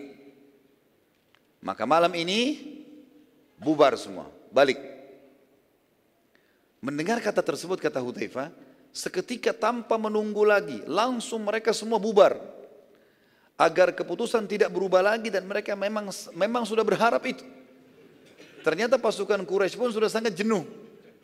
Mereka juga mau pulang. Mereka mengatakan Abu Sufyan sudah mengatakan bubar, pulanglah, pulanglah. Mereka gitu, ya. Suruh bubar. Aku pun lalu balik ke arah muslimin sampai tiba di kemah Nabi alaihi salatu wassalam dan Nabi sedang sholat malam waktu itu di malam hari hari Jumat malam itu. Saat memasuki kemah tiba-tiba perasaan hangat tadi hilang. Dan aku menggigil. Baru terasa dingin lagi gitu. Tadi hilang gitu. Nabi SAW merasakan keberadaanku lalu beliau pun menutup tubuhku. Pada saat selesai sholat beliau pun berdiri lalu menutup tubuhku dengan jubah beliau wasallam. Lalu beliau melanjutkan sholat. Nabi SAW tetap sholat. Selepas selesai sholat Nabi SAW bertanya kepadaku apa informasinya aku pun memberitakan semuanya maka Nabi SAW memuji Allah dan menyuruhku tidur kembali tidurlah hai Hudzaifah gak masalah maka aku pun tidur sampai pagi hingga Nabi SAW menendang kakiku seraya berkata, bangunlah wahai tukang tidur. Saat aku bangun, aku sangat bahagia dan gembira karena melihat ternyata dibangun untuk, untuk sholat subuh ya. Waktu aku bangun dan ternyata sudah mulai terang, kami melihat semuanya bubar. Kemah-kemah mereka habis, kendi-kendi mereka ditinggalkan, pasukan ahzab kosong. Dan di depan ini ada depan mata 10 ribu orang. Bayangkan 10 ribu orang teman-teman sekalian. Ya. Kalau seluruh masjid ini pun bergab, digabungin mungkin berapa? 5 ribu, 6 ribu? Ini 10 ribu, lebih banyak. Luar biasa gitu. Ya. Allah subhanahu wa ta'ala menurunkan khusus masalah kisah ini dalam surah Al-Ahzab. Surah Al-Ahzab ini Allah SWT turunkan dan menjelaskan luar biasa bagaimana kejadian perang Ahzab ini. Namun sebelum membaca surah Al-Ahzab teman-teman sekalian, kita masuk teman-teman sekalian ke perang Bani Quraidah. Pada saat pasukan musuh sudah bubar, sudah nggak ada lagi pasukan Ahzab, dan kemenangan di tangan muslimin jelas kelihatan walaupun tidak terjadi peperangan besar. Tapi musuh tidak mampu menembus Madinah. Ini termasuk peperangan. Dan perbekalan mereka sudah habis para musuh-musuh. Demikian pula dengan ide-ide dan semangat perang mereka. Dan kita sudah lihat juga bagaimana Allah subhanahu wa ta'ala mendatangkan kemenangannya dengan dua kejadian. Kejadian pertama adalah masuk Islam yang Nabi Mas'ud tadi yang mengacaukan pasukan musuh dengan hikmah Allah. Yang kedua Allah SWT kirimkan angin yang sangat dingin dan menghembus dengan sangat keras pada malam itu ya sehingga akhirnya membubarkan pasukan Ahzab. Allah menceritakan dalam surah Al-Ahzab surah nomor 33 ayat 25 ayat 25-nya A'udzu billahi minasyaitonir rajim wa raddallahu alladhina kafaru bighaidhihim lam yanalu khaira wa kafallahu almu'minina qital wa kana Allahu qawiyyan aziza dan Allah menghalau orang-orang kafir itu yang keadaan mereka penuh dengan kejengkelan pada saat itu. Mereka sudah yakin bisa menang. Lagi mereka tidak memperoleh keuntungan apa pun. Dan Allah menghindarkan orang beriman dari peperangan. Dan Allah maha kuat lagi maha perkasa. Imam Bukhari meriwayatkan dari Abdullah bin Syaibah bin Numair bin Hisham dari ayahnya. Dari Aisyah radhiyallahu anha mengisahkan saat Rasulullah SAW kembali dari perang Khandak, dari Parit, pagi harinya sudah menang, Nabi SAW pulang ke rumahnya. Lalu beliau menaruh senjata dan hendak mandi masuk ke rumah. Tiba-tiba malaikat Jibril mendatanginya dan berkata, Engkau meletakkan senjatamu wahai Muhammad, sementara kami demi Allah dari kalangan malaikat tidak akan meletakkannya. Karena itu keluarlah temui mereka. Nabi SAW bertanya, keluar ke mana? Lalu Jibril menunjuk ke sana sambil menunjuk ke arah suku atau Bani Quraidah, bentengnya. Maka Nabi SAW pun segera bangkit lalu kemudian memakai kembali baju perangnya dan membawa pedangnya. Dalam riwayat Bukhari yang lain diriwayatkan dari Musa, dari Jarir ibn Hisham, dari Humaid dari Hilal, eh, dari Humaid bin Hilal dari Anas bin Malik radhiyallahu anhu yang mengungkapkan seakan-akan saya melihat debu mengepul di lorong Bani Ganam ya karena iring-iringan malaikat Jibril yang mengawal Rasulullah SAW bergerak menuju Bani Quraidah. Jadi artinya para sahabat itu sangat yakin karena Nabi SAW keluar lalu mengatakan janganlah seseorang di antara kalian keluar eh janganlah seseorang di antara kalian sholat ya, sampai dia tiba di Quraidah. Sholat sampai dia tiba di Quraidah. Dalam riwayat yang lain, dari Nabi SAW mengatakan, dan Jibril telah datang kepadaku menyuruhku untuk pergi ke sana. Maka para sahabat yakin kalau Nabi SAW sedang bersama dengan malaikat. Karena Nabi SAW jalan, diikuti sahabat tapi ngepulan debunya banyak sekali. Maka kata para kata Anas bin Malik, saya menyaksikan iring-iringan, dan maksudnya menyaksikan iringan malaikat ini, dilihatlah debu-debu yang berterbangan itu. Dari riwayat Imam Ahmad dari Hasan, dari Hamad bin Salamah, dari Hisham bin Urwa, dari ayahnya, dari Aisyah anha, beliau menyampaikan, Seusai perang Ahzab, Rasulullah SAW masuk ke kamar mandi guna mengguyur tubuh beliau. Sallallahu Alaihi Wasallam. Kemudian malaikat Jibril mendatangi beliau. Aku melihat malaikat Jibril di celah-celah rumah telah melumuri kepalanya dengan debu. Lalu ia berkata, apakah kalian meletakkan senjata? Iya benar, jawab Rasulullah SAW. Jibril berkata, ketahuilah setelah perang Ahzab, kami para malaikat tidak meletakkan senjata. Sekarang menujulah ke Bani Quraidah. Bukhari Muslim juga meriwayatkan dari Abdullah bin Muhammad bin, bin Asma dari Juwairiyah binti Asma dari Nafi' dari Ibnu Umar radhiyallahu bahwa Rasulullah SAW bersabda di dalam perang Ahzab, janganlah seseorang dari kalian sholat asar kecuali setelah tiba di Bani Quraidah. Di sini kita lihat pelajaran teman-teman sekalian, ternyata Nabi SAW waktu sudah selesai duha, sudah mulai terang, pasukan Ahzab sudah ternyata kalah, ada satu Nabi perintahkan juga para sahabat. Disuruhlah Nabi oleh Nabi SAW para sahabat untuk memeriksa apa yang tersisa dari barang-barang Quraisy itu untuk dibersihkan di sekitar kota Madinah. Dan Nabi SAW tentunya nanti akan menyuruh agar parit ditimbun kembali. Agar parit ditimbun kembali. Karena tidak boleh ada parit terus, tidak bisa orang masuk ke Madinah. Gitu kan? Nabi SAW terus menginstruksikan para sahabat untuk bubar, membubarkan pasukan segala macam sampai menjelang waktu duhur. Waktu duhur beliau pulang ke rumah Sallallahu Alaihi Wasallam.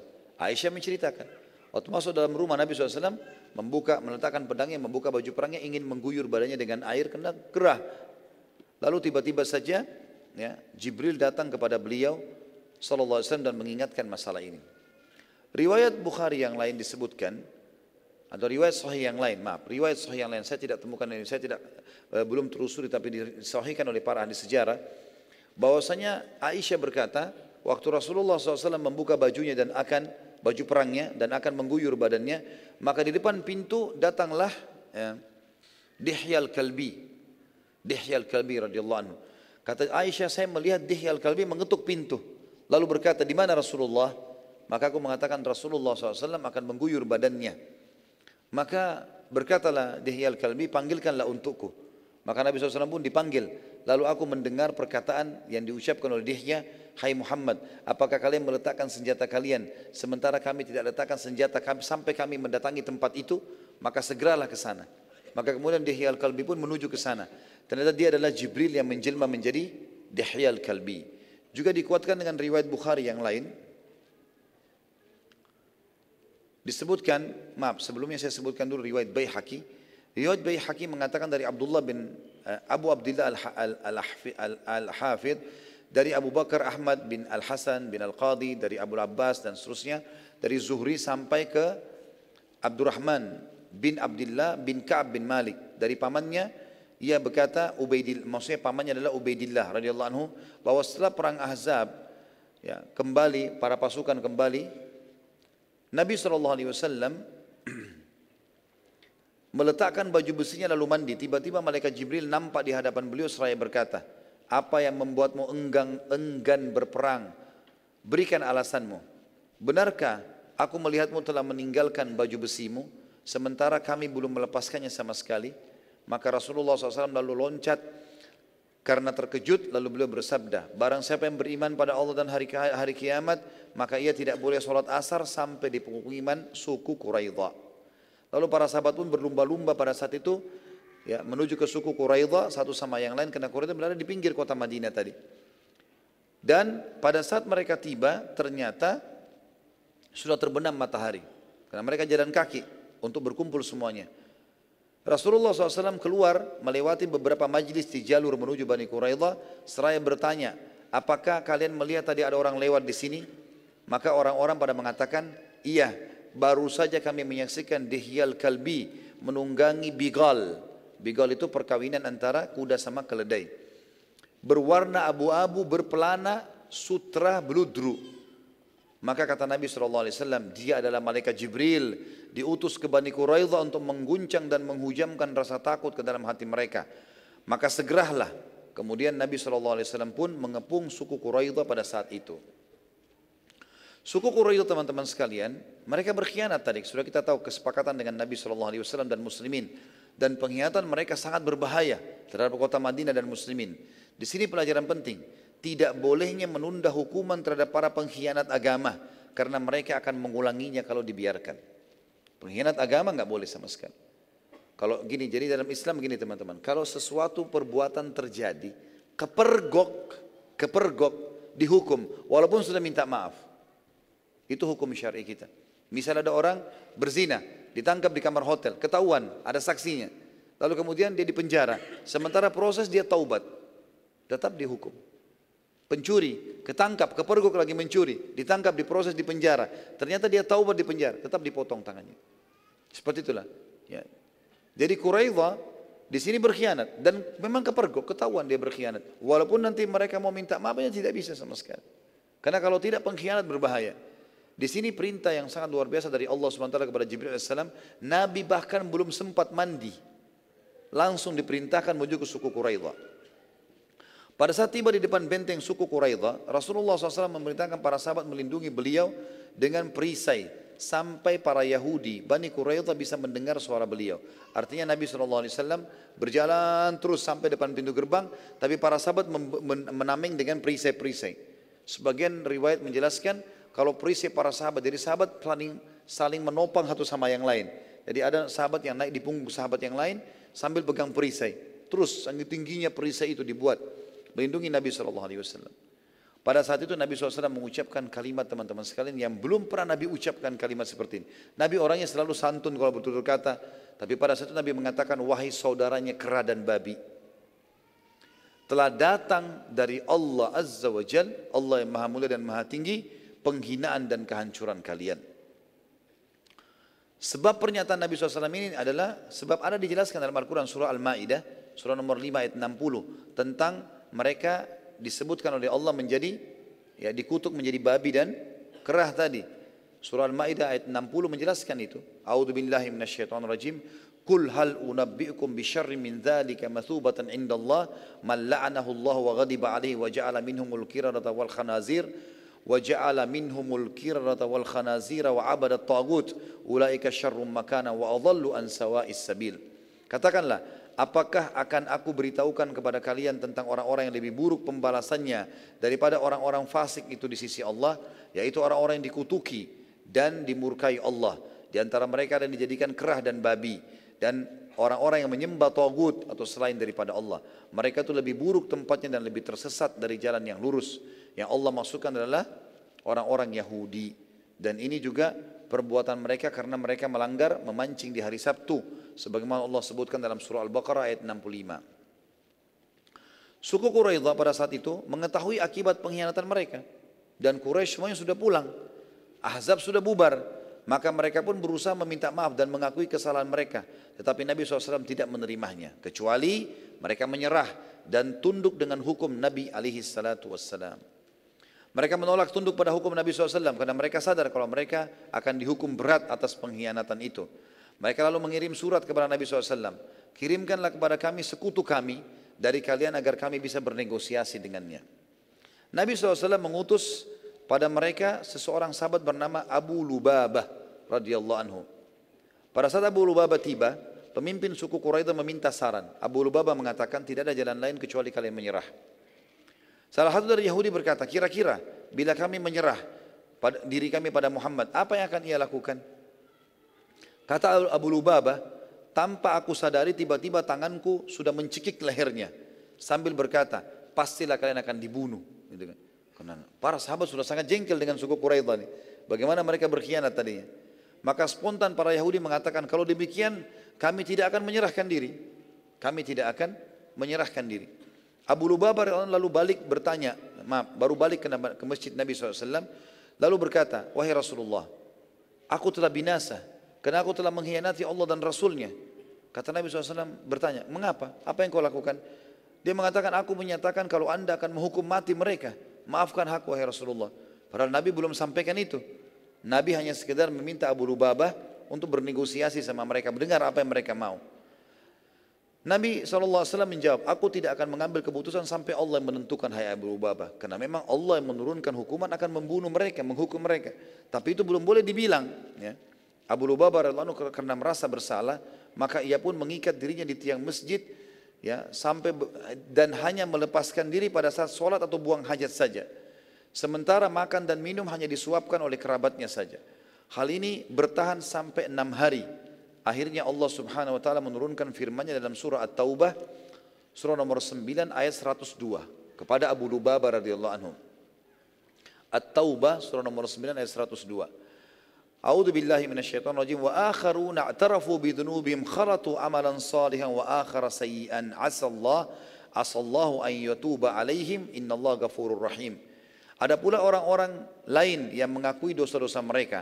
Mereka mencampur baurkan pekerjaan yang baik dengan perbuatan pekerjaan lain yang buruk. Mudah-mudahan Allah menerima tobat mereka. Sesungguhnya Allah maha pengampun lagi maha penyayang.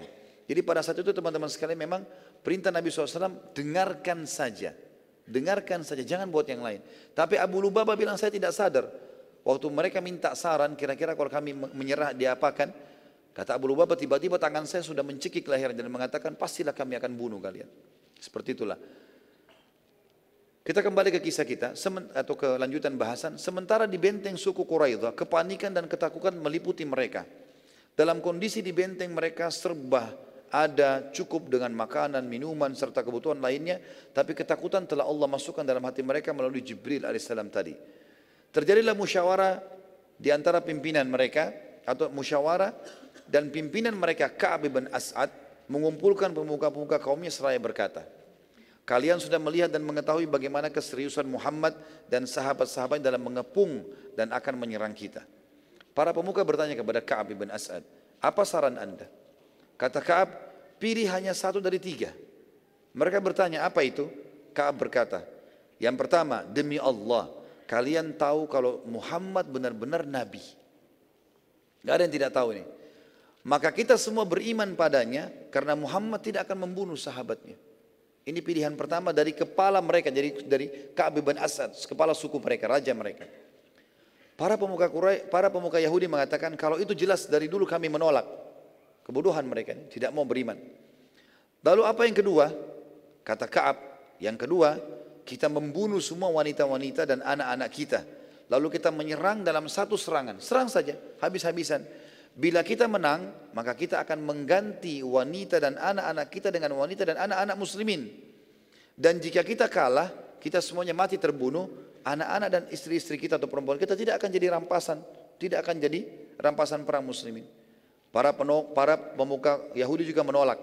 Mereka mengatakan apa dosa mereka? Kenapa mereka harus ya, mengalami itu? Apa yang ketiga? Kata Kaab, malam ini malam Sabtu. Umumnya Muhammad dan sahabatnya beristirahat. Kalau akan, maksud ini adalah Sabtu malam ya, karena kan kemarin Ahzab sudah bubar. Hari ini sekarang hari Sabtu, malam, tapi masih hari Sabtu. Umumnya Muhammad dan sahabatnya beristirahat kalau akan menyerang Yahudi di malam Sabtu. Dan hari Sabtu, ya, karena mereka mengetahui kalau Yahudi tidak berperang pada saat itu. Maka kita serang saja mereka malam ini. Yahudi menolak dan berkata, wahai Kaab, anda sangat mengetahui bagaimana pelanggar pancingan pada hari Sabtu diubah dan dikutuk oleh Allah menjadi kera dan babi. Maka kami juga tidak bisa melakukannya. Kaab berkata, kalau demikian demi Allah kalian sudah tidak ada lagi. Tidak ada lagi pilihan lain, tidak bisa melakukan apa-apa. Dan benar mereka akhirnya tidak dapat melakukan apa-apa sama sekali. Salah satu dari Yahudi, ada orang Yahudi bernama Amr bin Wud Sa'di. Ya, Amr bin Wud As-Sa'di. Ya. Ini mirip dengan namanya tadi orang Yahudi, orang Quraisy yang mati. Dia sempat keluar dari benteng dan menuju ke pasukan muslimin. Akhirnya ia ditangkap oleh Muhammad bin Maslam radhiyallahu anhu yang sangat tegas dengan orang-orang kafir. Pada saat Muhammad bin Maslam akan membunuhnya dia mengatakan, "Izinkan aku menemui nabi kalian." Muhammad bin Maslam lalu mengajak orang ini Amr menuju kepada Nabi wasallam. Pada saat bertemu Amr berkata, "Saat kaum Yahudi mengkhianati kesepakatan denganmu, akulah satu-satunya orang yang menolak. Satu benteng semuanya setuju kecuali aku. Nabi SAW mengatakan di depan para sahabat, engkau benar. Dan Wahyu menyampaikan orang ini benar, jujur dia. Memang semua Yahudi setuju kecuali dia. Lalu Nabi SAW memerintahkan agar ia dibebaskan. Seraya Nabi SAW bersabda, orang ini telah diselamatkan oleh Allah karena kejujurannya. Dan ini pentingnya kejujuran teman-teman sekalian. Sampai di kancah peperangan pun dia bisa selamat. Saya bilang di sini lihat bagaimana kebenaran dan kesempurnaan Islam hukuman bagi yang mengkhianat dan bukan yang ikut-ikutan. Bukan yang tidak bukan hukuman kepada yang tidak ikut-ikutan. Jadi kita harus adil. Tidak boleh kita membenci ras tertentu, negara tertentu, suku tertentu hanya karena satu orang berbuat salah. Orang itu yang salah. Kalau mereka tidak mau serahkan orang yang salah, kita serang semuanya, tapi tidak boleh kita hukum semuanya mati. Gitu. Ini harus diketahui. Tapi kecuali kalau semua sepakat, semuanya mengkhianat itu lain ceritanya. Pengepungan Nabi SAW di suku Quraisy teman-teman berjalan 19 hari. Cukup lama ini. Maka sebagian kesatria muslim di antaranya Zubair bin Awam anhu sepakat untuk menyerang dan siap mati syahid dengan cara membuka pintu gerbang benteng Quraidah. Saat mereka mulai bertakbir dan menyerang, karena sudah sepakat nih, kurang lebih Zubair bin Awam membawa 200-300 orang dari sahabat, kita serang saja. Apa yang terjadi, terjadi. Lemparin apa saja ke dalam benteng musuh, cari jalan, manjat, takbir, pokoknya kita menyerang. Dobrak, mereka dulu dobrak pintu gerbang dengan potongan pohon besar, gitu kan. Waktu mereka mendengarkan takbir para sahabat, kaum Yahudi tiba-tiba ketakutan dan akhirnya mereka mengiklankan dari atas benteng kalau kami menyerah. Maka dengan cara inilah orang-orang Yahudi dikalahkan oleh kaum muslimin dengan hikmah Allah SWT. Mereka tidak melawan. Akhirnya semua kaum Yahudi menyerahkan diri juga harta dan benteng mereka. Dan semua kaum laki-laki mereka yang pada saat itu ahli perang. Bukan orang tua, bukan anak-anak. Semuanya ditawan dan jumlah mereka itu 700 orang. Suku Aus, sekutu suku Quraidah, suku Aus dari muslimin. Saat itu mendatangi Nabi SAW dan berkata, Wahai Rasulullah, berbuat baiklah, berbuat baiklah pada sekutu kami. Kalau kita masih ingat kisah tentang suku Nadir, sempat dibela, dibela oleh Abdullah bin Abi Salul. Suku Nadir dulu, yang waktu diusir dari Madinah, yang mereka mau lempar batu di atas kepala Nabi, sempat kan Nabi mau hukuman mati mereka ya. Tapi sempat datang uh, Abdullah bin Abi Salul pimpinan orang munafik dari suku Khazraj. Suku Khazraj. Kan Ansar ada dua suku, Khazraj dan Aus. Si Abdullah bin Abi Salul kepala munafik ini dari suku Khazraj dan dia berkata, "Ya Rasulullah, berbuat baiklah pada sekutu kami." Karena suku Nadir sekutunya suku Khazraj. Terus saja dia rongrong Nabi sampai Nabi mengatakan, "Baik, ambil alihlah mereka semua." Sampai akhirnya terbebaskan suku Nadir dari dari uh, hukuman mati pada saat itu. Kebetulan suku Quraidah partner sekutu dengan suku Aus. Tangkap ini ya? Hah? Gak ada suara, senyap ini. Jangan sampai karena sudah tiga jam materi terus kemudian hilang ingatannya. Jadi sekarang tadinya suku Nadir selamat karena sekutunya suku Khazraj menolongnya. Oh, di, di, dikepalai oleh Abdullah bin Abi Salah orang munafik. Sekarang suku Quraidah Mau dihukum mati oleh Nabi SAW. Tapi ada sekutunya dari Ansar, gitu kan? Itu adalah suku Aus. Suku Aus datang mengatakan, ya Rasulullah, berbuat baik pada sekutu kami. Sebagaimana dulu anda izinkan suku Khazraj berbuat baik pada Quraisy, eh, pada pada Nadir. Nabi SAW sempat bingung waktu itu, armati kata di sini mengambil keputusan, lalu mencoba menawarkan pada suku Aus, kira-kira apa keputusannya. Maka pada saat orang saling bertanya satu sama yang lain, maka Nabi SAW bertanya, Siapa kira-kira di antara Aus yang siap mengambil keputusan? Maka suku Aus mengatakan yang terbaik adalah pimpinan kami dan pimpinannya adalah Sa'ad ibn Mu'ad radhiyallahu anhu. Coba kita rintet kembali Sa'ad ibn Mu'ad ke belakang teman-teman sekalian. Dia tadi yang diutus oleh Nabi SAW dengan Sa'ad ibn Ubadah untuk ke benteng Quraidah. Dan dia yang bilang sama Sa'ad ibn Ubadah, sudah nggak usah caci maki.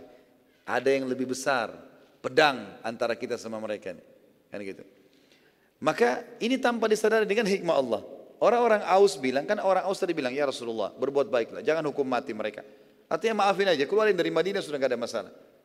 Nabi SAW mengatakan, sebagaimana anda memberikan Hazraj kesempatan mem memaafkan uh, Nadir. Kata Nabi SAW, siapa yang putus, siapa yang menentukan keputusan di antara kalian, yang kalian setuju semua? Mereka tidak sadar mereka mengatakan pimpinan kami Sa'ad bin Mu'ad. Sa'ad bin Mu'ad ini sangat benci dengan Quraidah, gitu kan? Aus berkata, menjawab, Sa'ad bin Mu'ad pimpinan kami.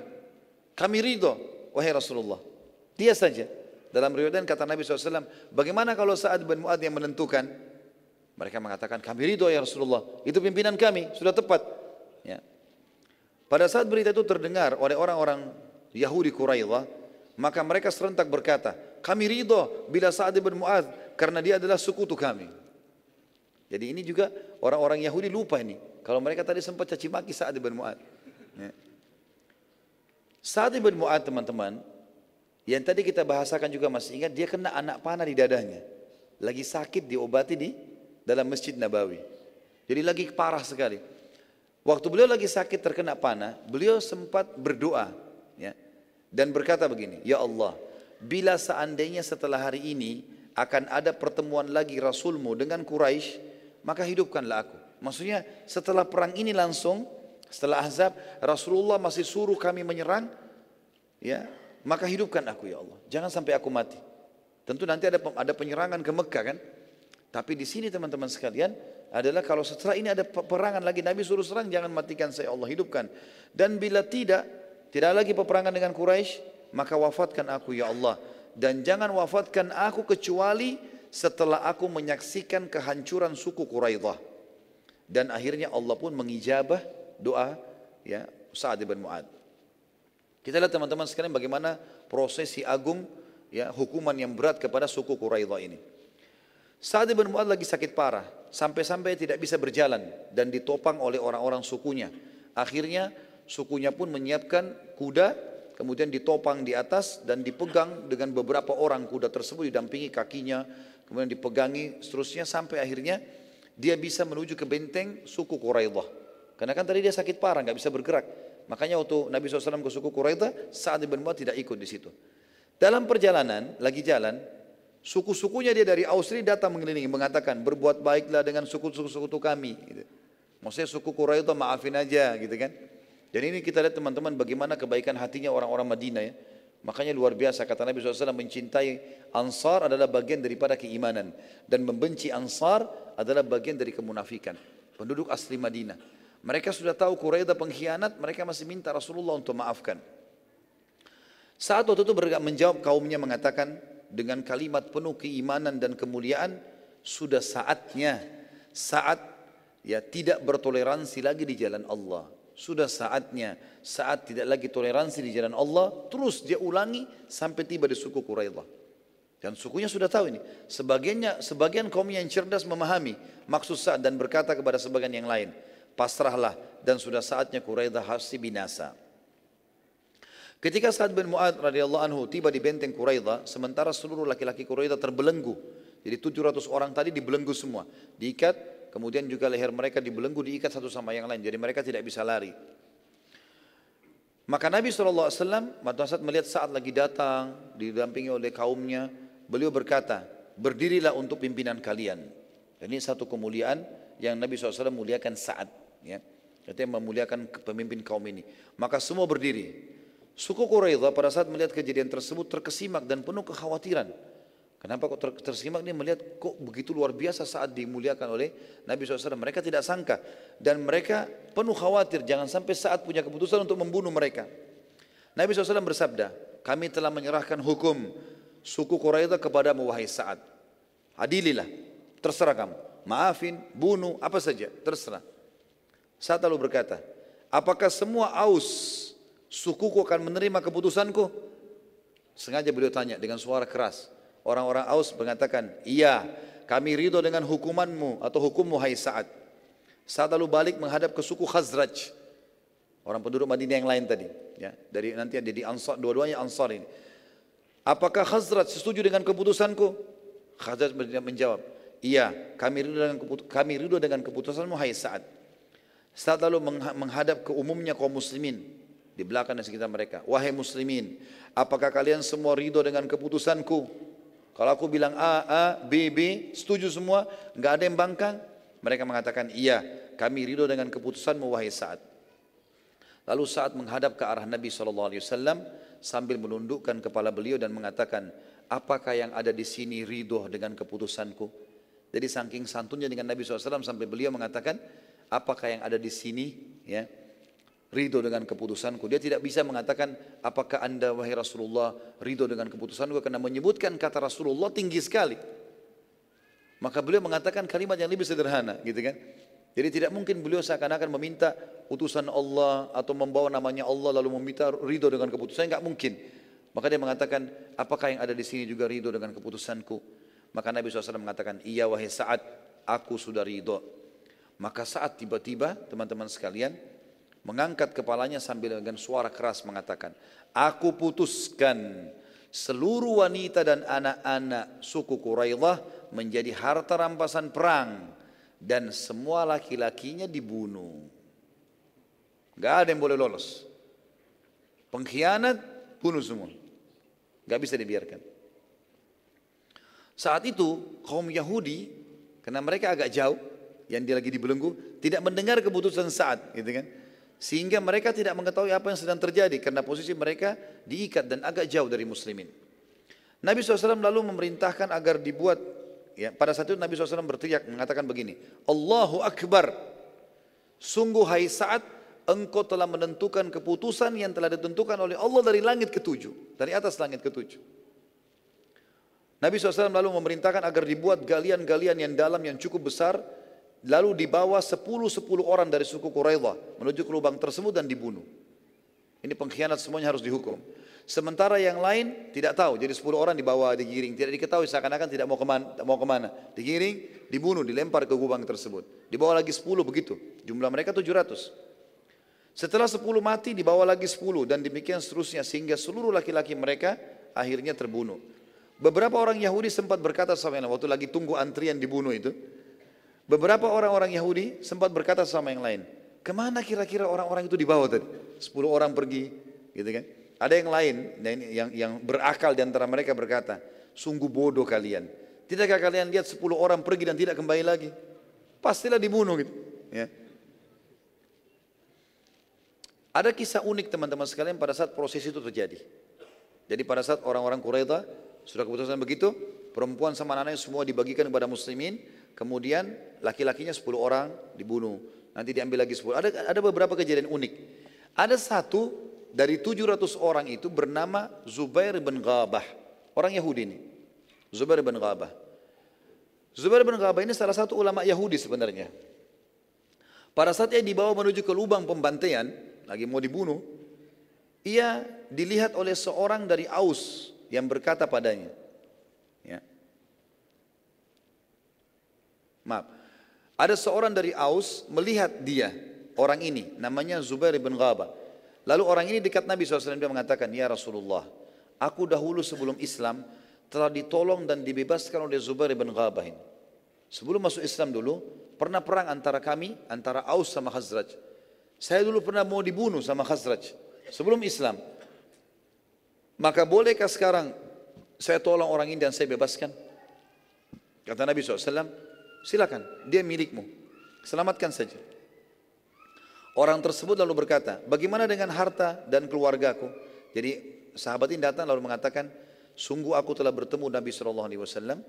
Ya, uh, maaf, saya uh, keliru dalam riwayat. Jadi begini, Aus ini mengatakan ya Rasulullah orang ini pernah selamatkan saya sebelum masuk Islam.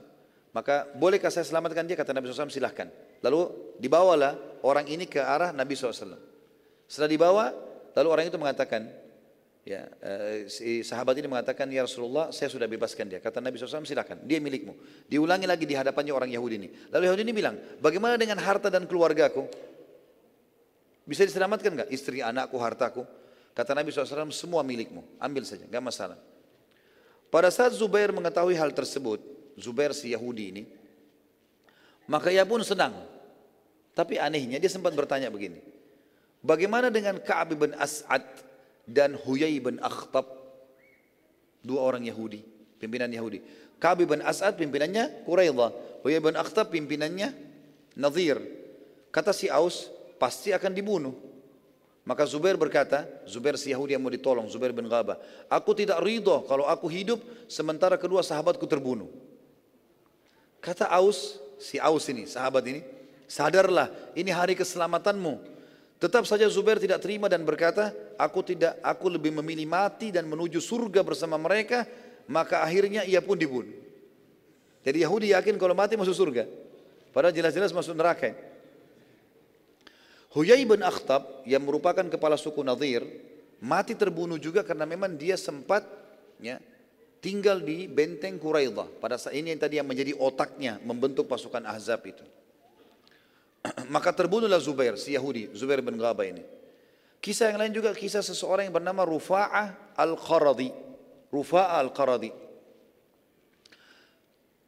Pada saat ia sedang digiring untuk dibunuh, ia, ia sempat melihat seorang sahabiat Nabi, seorang wanita lewat. Maka ia pun memohon-mohon padanya, seraya berkata, selamatkan aku dari pembunuhan, maka demi Allah aku akan masuk Islam dan aku akan menjaga solat. Kata si Yahudi ini, Rufa'ah Al-Qaradi. Maka sahabat tersebut merasa ibah. Lalu dia membawa, dia mengatakan kepada sahabat yang menggiringnya sebentar, saya akan bawa dia ke Nabi Shallallahu Alaihi Wasallam. Lalu setelah datang kata kata perempuan ini, wahai Rasulullah, bebaskan Rufa'a untukku, karena ia berjanji padaku akan masuk Islam dan ia akan menjaga solat. Maka Nabi Wasallam pun mengizinkan ya wanita ini Rufa'a radhiyallahu anha, eh, maaf, sahabat ini sahabat ini membebaskan Rufa'a dan ternyata Rufa'a benar-benar masuk Islam dan menjadi salah satu ulamanya muslimin. Setiap kali dia berdoa setelah itu, dia mengatakan, ya, ia selalu berkata, selamatkanlah yang telah menyelamatku dari pembantian ya Allah. Maksudnya si Rufa, ya, mendoakan si sahabiat itu. Dia mengatakan, ya Allah, selamatkanlah orang atau wanita yang telah menyelamatkan aku dari pembantian. Nabi SAW lalu membagi-bagi para wanita dan anak-anak orang Yahudi sebagai tawanan dan budak muslimin. Yang menjadi bagian Nabi SAW adalah seorang wanita Yahudi bernama Raihana Al-Quradiyah atau al sebenarnya Al-Quraidah ya, Al-Quradiyah ini. Sempat Nabi SAW menawarkan baginya Islam dan ia akan dibebaskan dari keterbudakan serta dinikahi oleh Nabi SAW tapi ia menolak pada awal penawaran. Namun akhirnya ia pun masuk Islam dan Nabi SAW memenuhi janjinya artinya menikahi wanita ini. Dan ini pelajaran besar teman-teman sekalian bagaimana para orang-orang kafir dihiasi amalan mereka oleh syaitan sehingga mereka menganggap perbuatan mereka baik. Sampai tadi Zubair bin Ghabah jelas-jelas akan selamat dan dia tahu ini kebenaran. Tapi dia lebih pilih mati dalam keadaan kekufuran dan dia anggap dirinya akan masuk surga. Syaitan menghiasi itu. Nabi SAW juga bersabda andai saja terdapat 10 atau 12 riwayatnya Yahudi beriman padaku maka niscaya seluruh Yahudi akan beriman kepadaku. Jadi sulit sekali mereka beriman, gitu kan. Juga pelajaran lain teman-teman sekalian, kalau Islam adalah agama toleransi, di tempatnya, di waktunya, dan juga di keadaannya. Tapi Islam juga adalah agama yang tegas di waktu, tempat, dan keadaannya. Ini harus diketahui. Jadi banyak sekali tawanan perang dan kita tahu dalam Islam dianjurkan untuk dibebaskan. Ya, Allah SWT banyak menyebutkan masalah Bahkan kata Nabi SAW, bebaskanlah budak, bebas, bebaskanlah tawanan, bebaskanlah tawanan.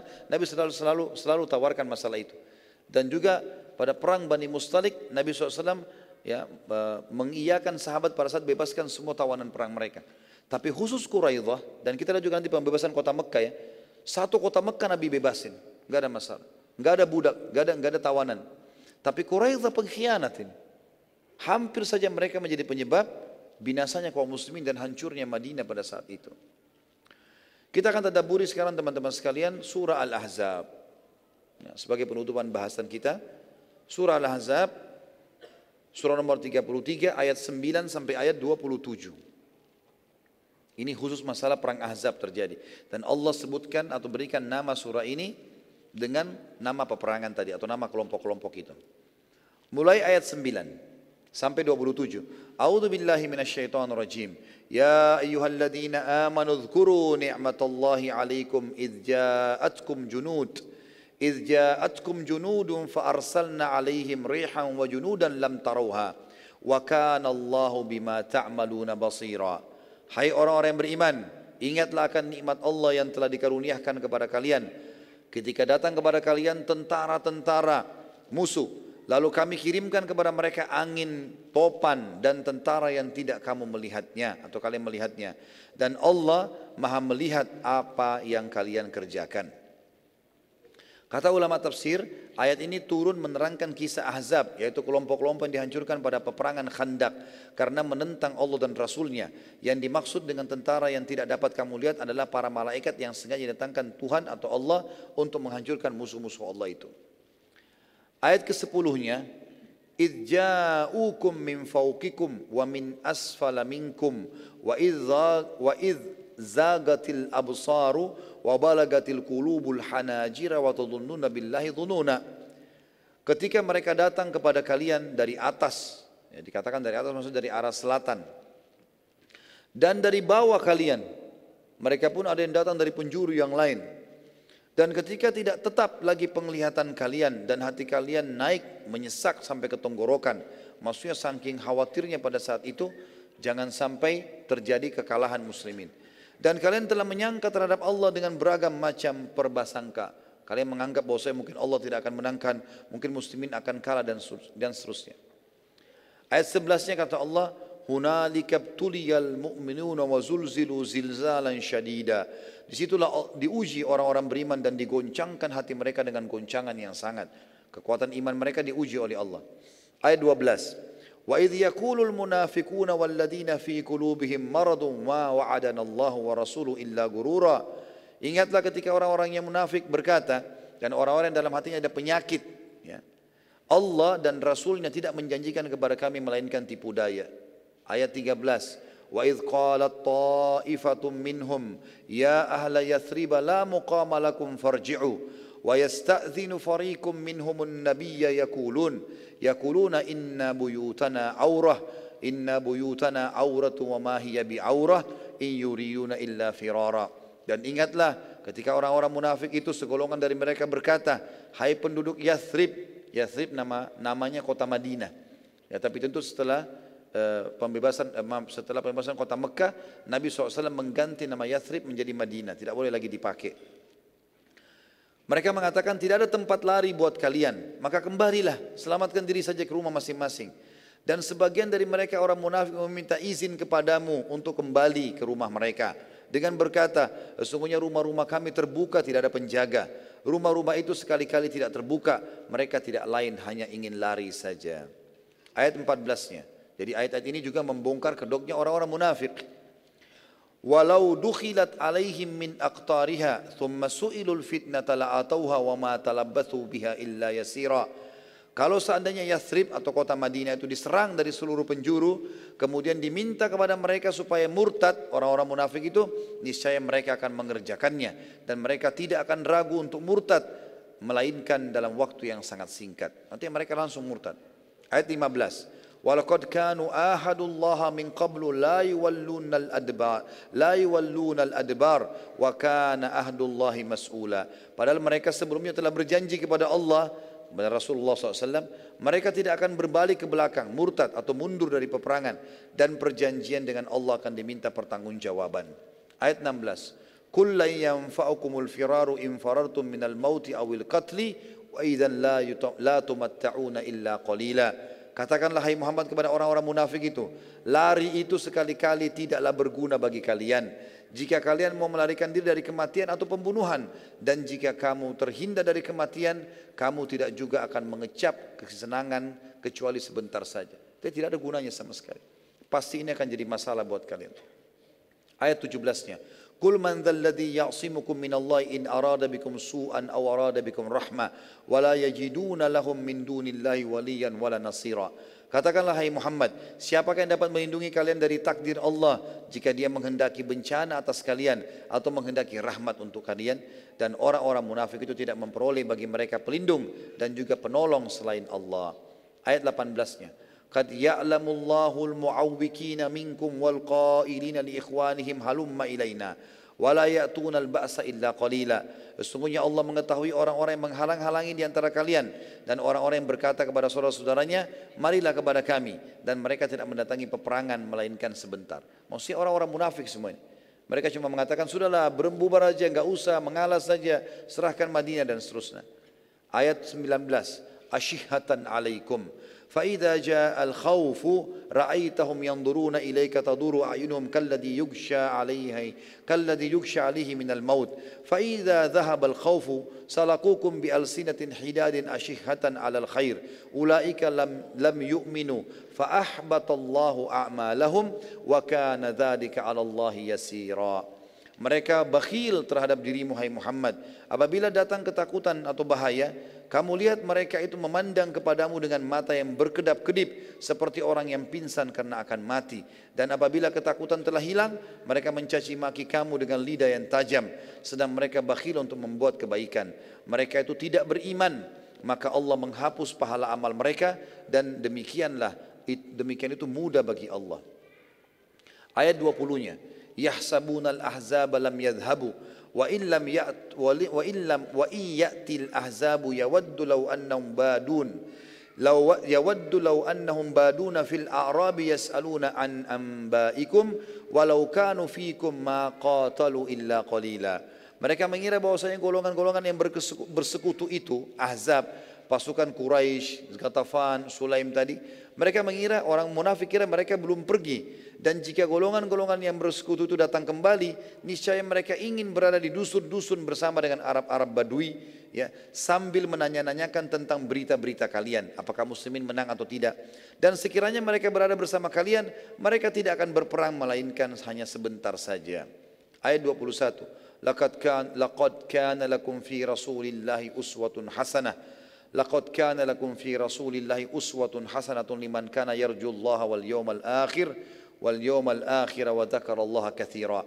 Sesungguhnya telah ada pada diri Rasulullah itu suri tauladan yang baik bagi kalian, bagi orang yang mengharap rahmat Allah dan kedatangan di hari kiamat, maksudnya masuk surga di hari kiamat dan ingin berzikir dengan Allah dengan zikir yang banyak. Artinya perilaku Nabi SAW dalam menghadapi pasukan Ahzab, bersabar, kemudian menghadapi Quraidah, ini semua adalah pelajaran bagi orang beriman.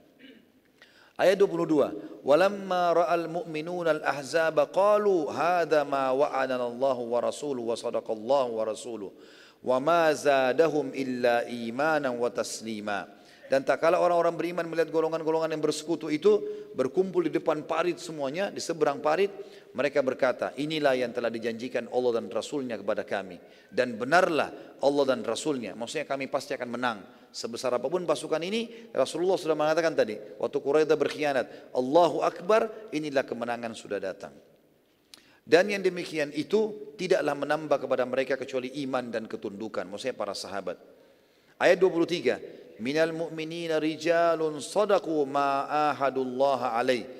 Faminhum man qada nahbahu wa minhum man yantadir wa ma baddalu tabdila. Di antara orang beriman itu ada orang-orang yang menepati apa yang telah mereka apa yang telah mereka janjikan kepada Allah. Maksudnya mereka mau mati syahid dan mereka terbunuh mati syahid. Maka di antara mereka ada yang gugur dan di antara mereka ada pula yang menunggu-nunggu kapan kesempatan mati syahid dan mereka tidak merubah janjinya itu. Sebagian ulama tafsir mengatakan maksudnya adalah para korban sahabat di Badar dan Uhud. Mereka sampai berperang akhirnya sampai mati terbunuh mati syahid dan mereka berpegang. Dan yang datang setelahnya tetap berperang karena ingin mengejar juga mati syahid. Ayat 24. liyajziyallahu as-sadiqina bisidqihim wa yu'adzibal munafiqina in syaa'a aw yatuba alaihim innallaha kana ghafurar rahima supaya Allah memberikan balasan kepada orang-orang yang jujur karena kejujuran mereka dan menyiksa orang munafik jika dikehendakinya atau menerima tobat mereka, sesungguhnya Allah Maha Pengampun lagi Maha Penyayang. Jadi Allah sengaja membuat ini kejadian, walaupun ada yang terbani, terbunuh mati syahid, sebagaimana kita tahu nanti saat ibn Mu'ad mati terbunuh mati syahid. Maka itu karena Allah ingin membalas mereka kejujurannya, mau mati syahid Allah kasih. Dan Allah juga akan menyiksa orang munafik di sini. Ataupun kalau ada yang masih taubat Allah masih bisa terima. Dan Allah Maha Pengampun lagi Maha Penyayang. Ayat 25, ayat 25-nya. Waraddallahu waraddallahu alladhina kafaru bighaidhihim lam yanalu khaira wa kafal mu'min wa kafallahu الله qital wa kana Allahu qawiyan aziza. Dan Allah menghala orang-orang kafir itu yang yang yang yang datang dalam keadaan mereka penuh dengan kejengkelan.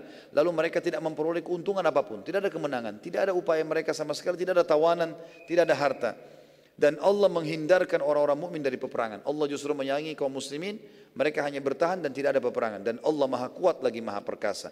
Dua-duanya tidak ada peperangan ya. Tidak ada peperangan sama pasukan Ahzab, tidak ada peperangan juga sama Quraidah.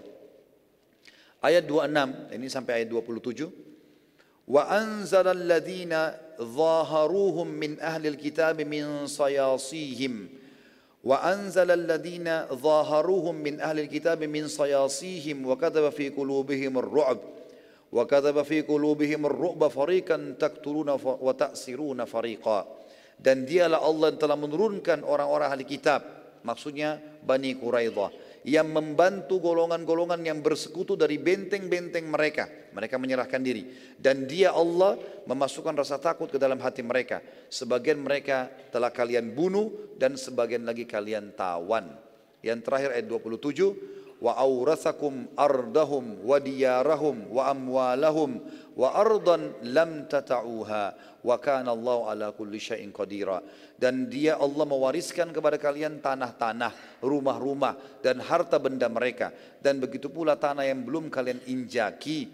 Dan Allah maha kuasa terhadap segala sesuatunya. Maksudnya adalah ada nanti akan datang setelah Ahzab ini, setelah perang Quraidah, ada peperangan-peperangan datang, tanah-tanah yang belum kalian injak sekarang akan jadi wilayah muslimin. Setelah peperangan selesai teman-teman sekalian, kaum muslimin bergembira dan Nabi SAW memasuki masjid beliau dan terlihat pada saat itu banyak sekali tetesan darah dan ternyata berasal dari lukanya saat radhiyallahu anhu. Ya. Nabi SAW lalu bersabda, aku merasa bahwa arsh singa sana Allah bergoncang karena kematian salah seorang dari sahabatku. Coba periksa keadaan saat di kemahnya. Maka para sahabat pun menemukan saat dan benar-benar telah mati syahid. Jibril alaihissalam datang dan menyampaikan kepada Nabi SAW, Arsh, zat yang maha penyayang bergoncang karena kematian saat. Ini semua menunjukkan kepada kita teman-teman tentang kedudukan Sa'ad bin Mu'ad radhiyallahu anhu di sisi Allah Azza wa Jal. Dan dari sisi lain juga Nabi SAW bersabda, setiap orang yang wafat akan terhimpit oleh dinding kuburannya kecuali eh, dinding kuburannya bila ada yang selamat maka pastilah saat orangnya. Beberapa sahabat sempat teman-teman sekalian ini penutupan tentunya. Beberapa sahabat ya pada saat itu sempat mendapatkan sehelai kain ya yang sangat lembut dan sangat bagus sebagai harta rampasan perang dari suku Quraidah sehingga setiap sahabat memuji dan memegangnya karena kain itu lembut dan bagus sekali.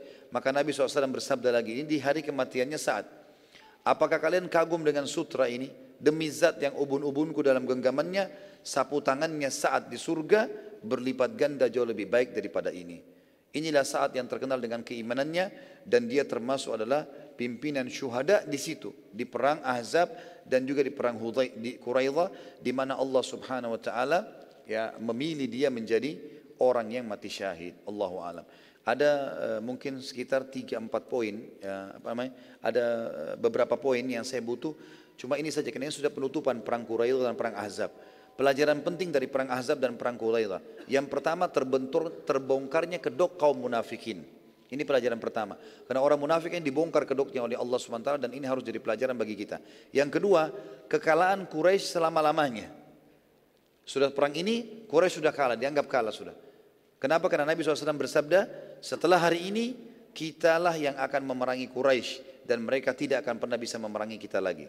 Yang ketiga, terbunuhnya dari muslimin lima orang mereka ialah Anas ibn Aus, Anas ibn Aus, Abdullah bin Sabab, ya.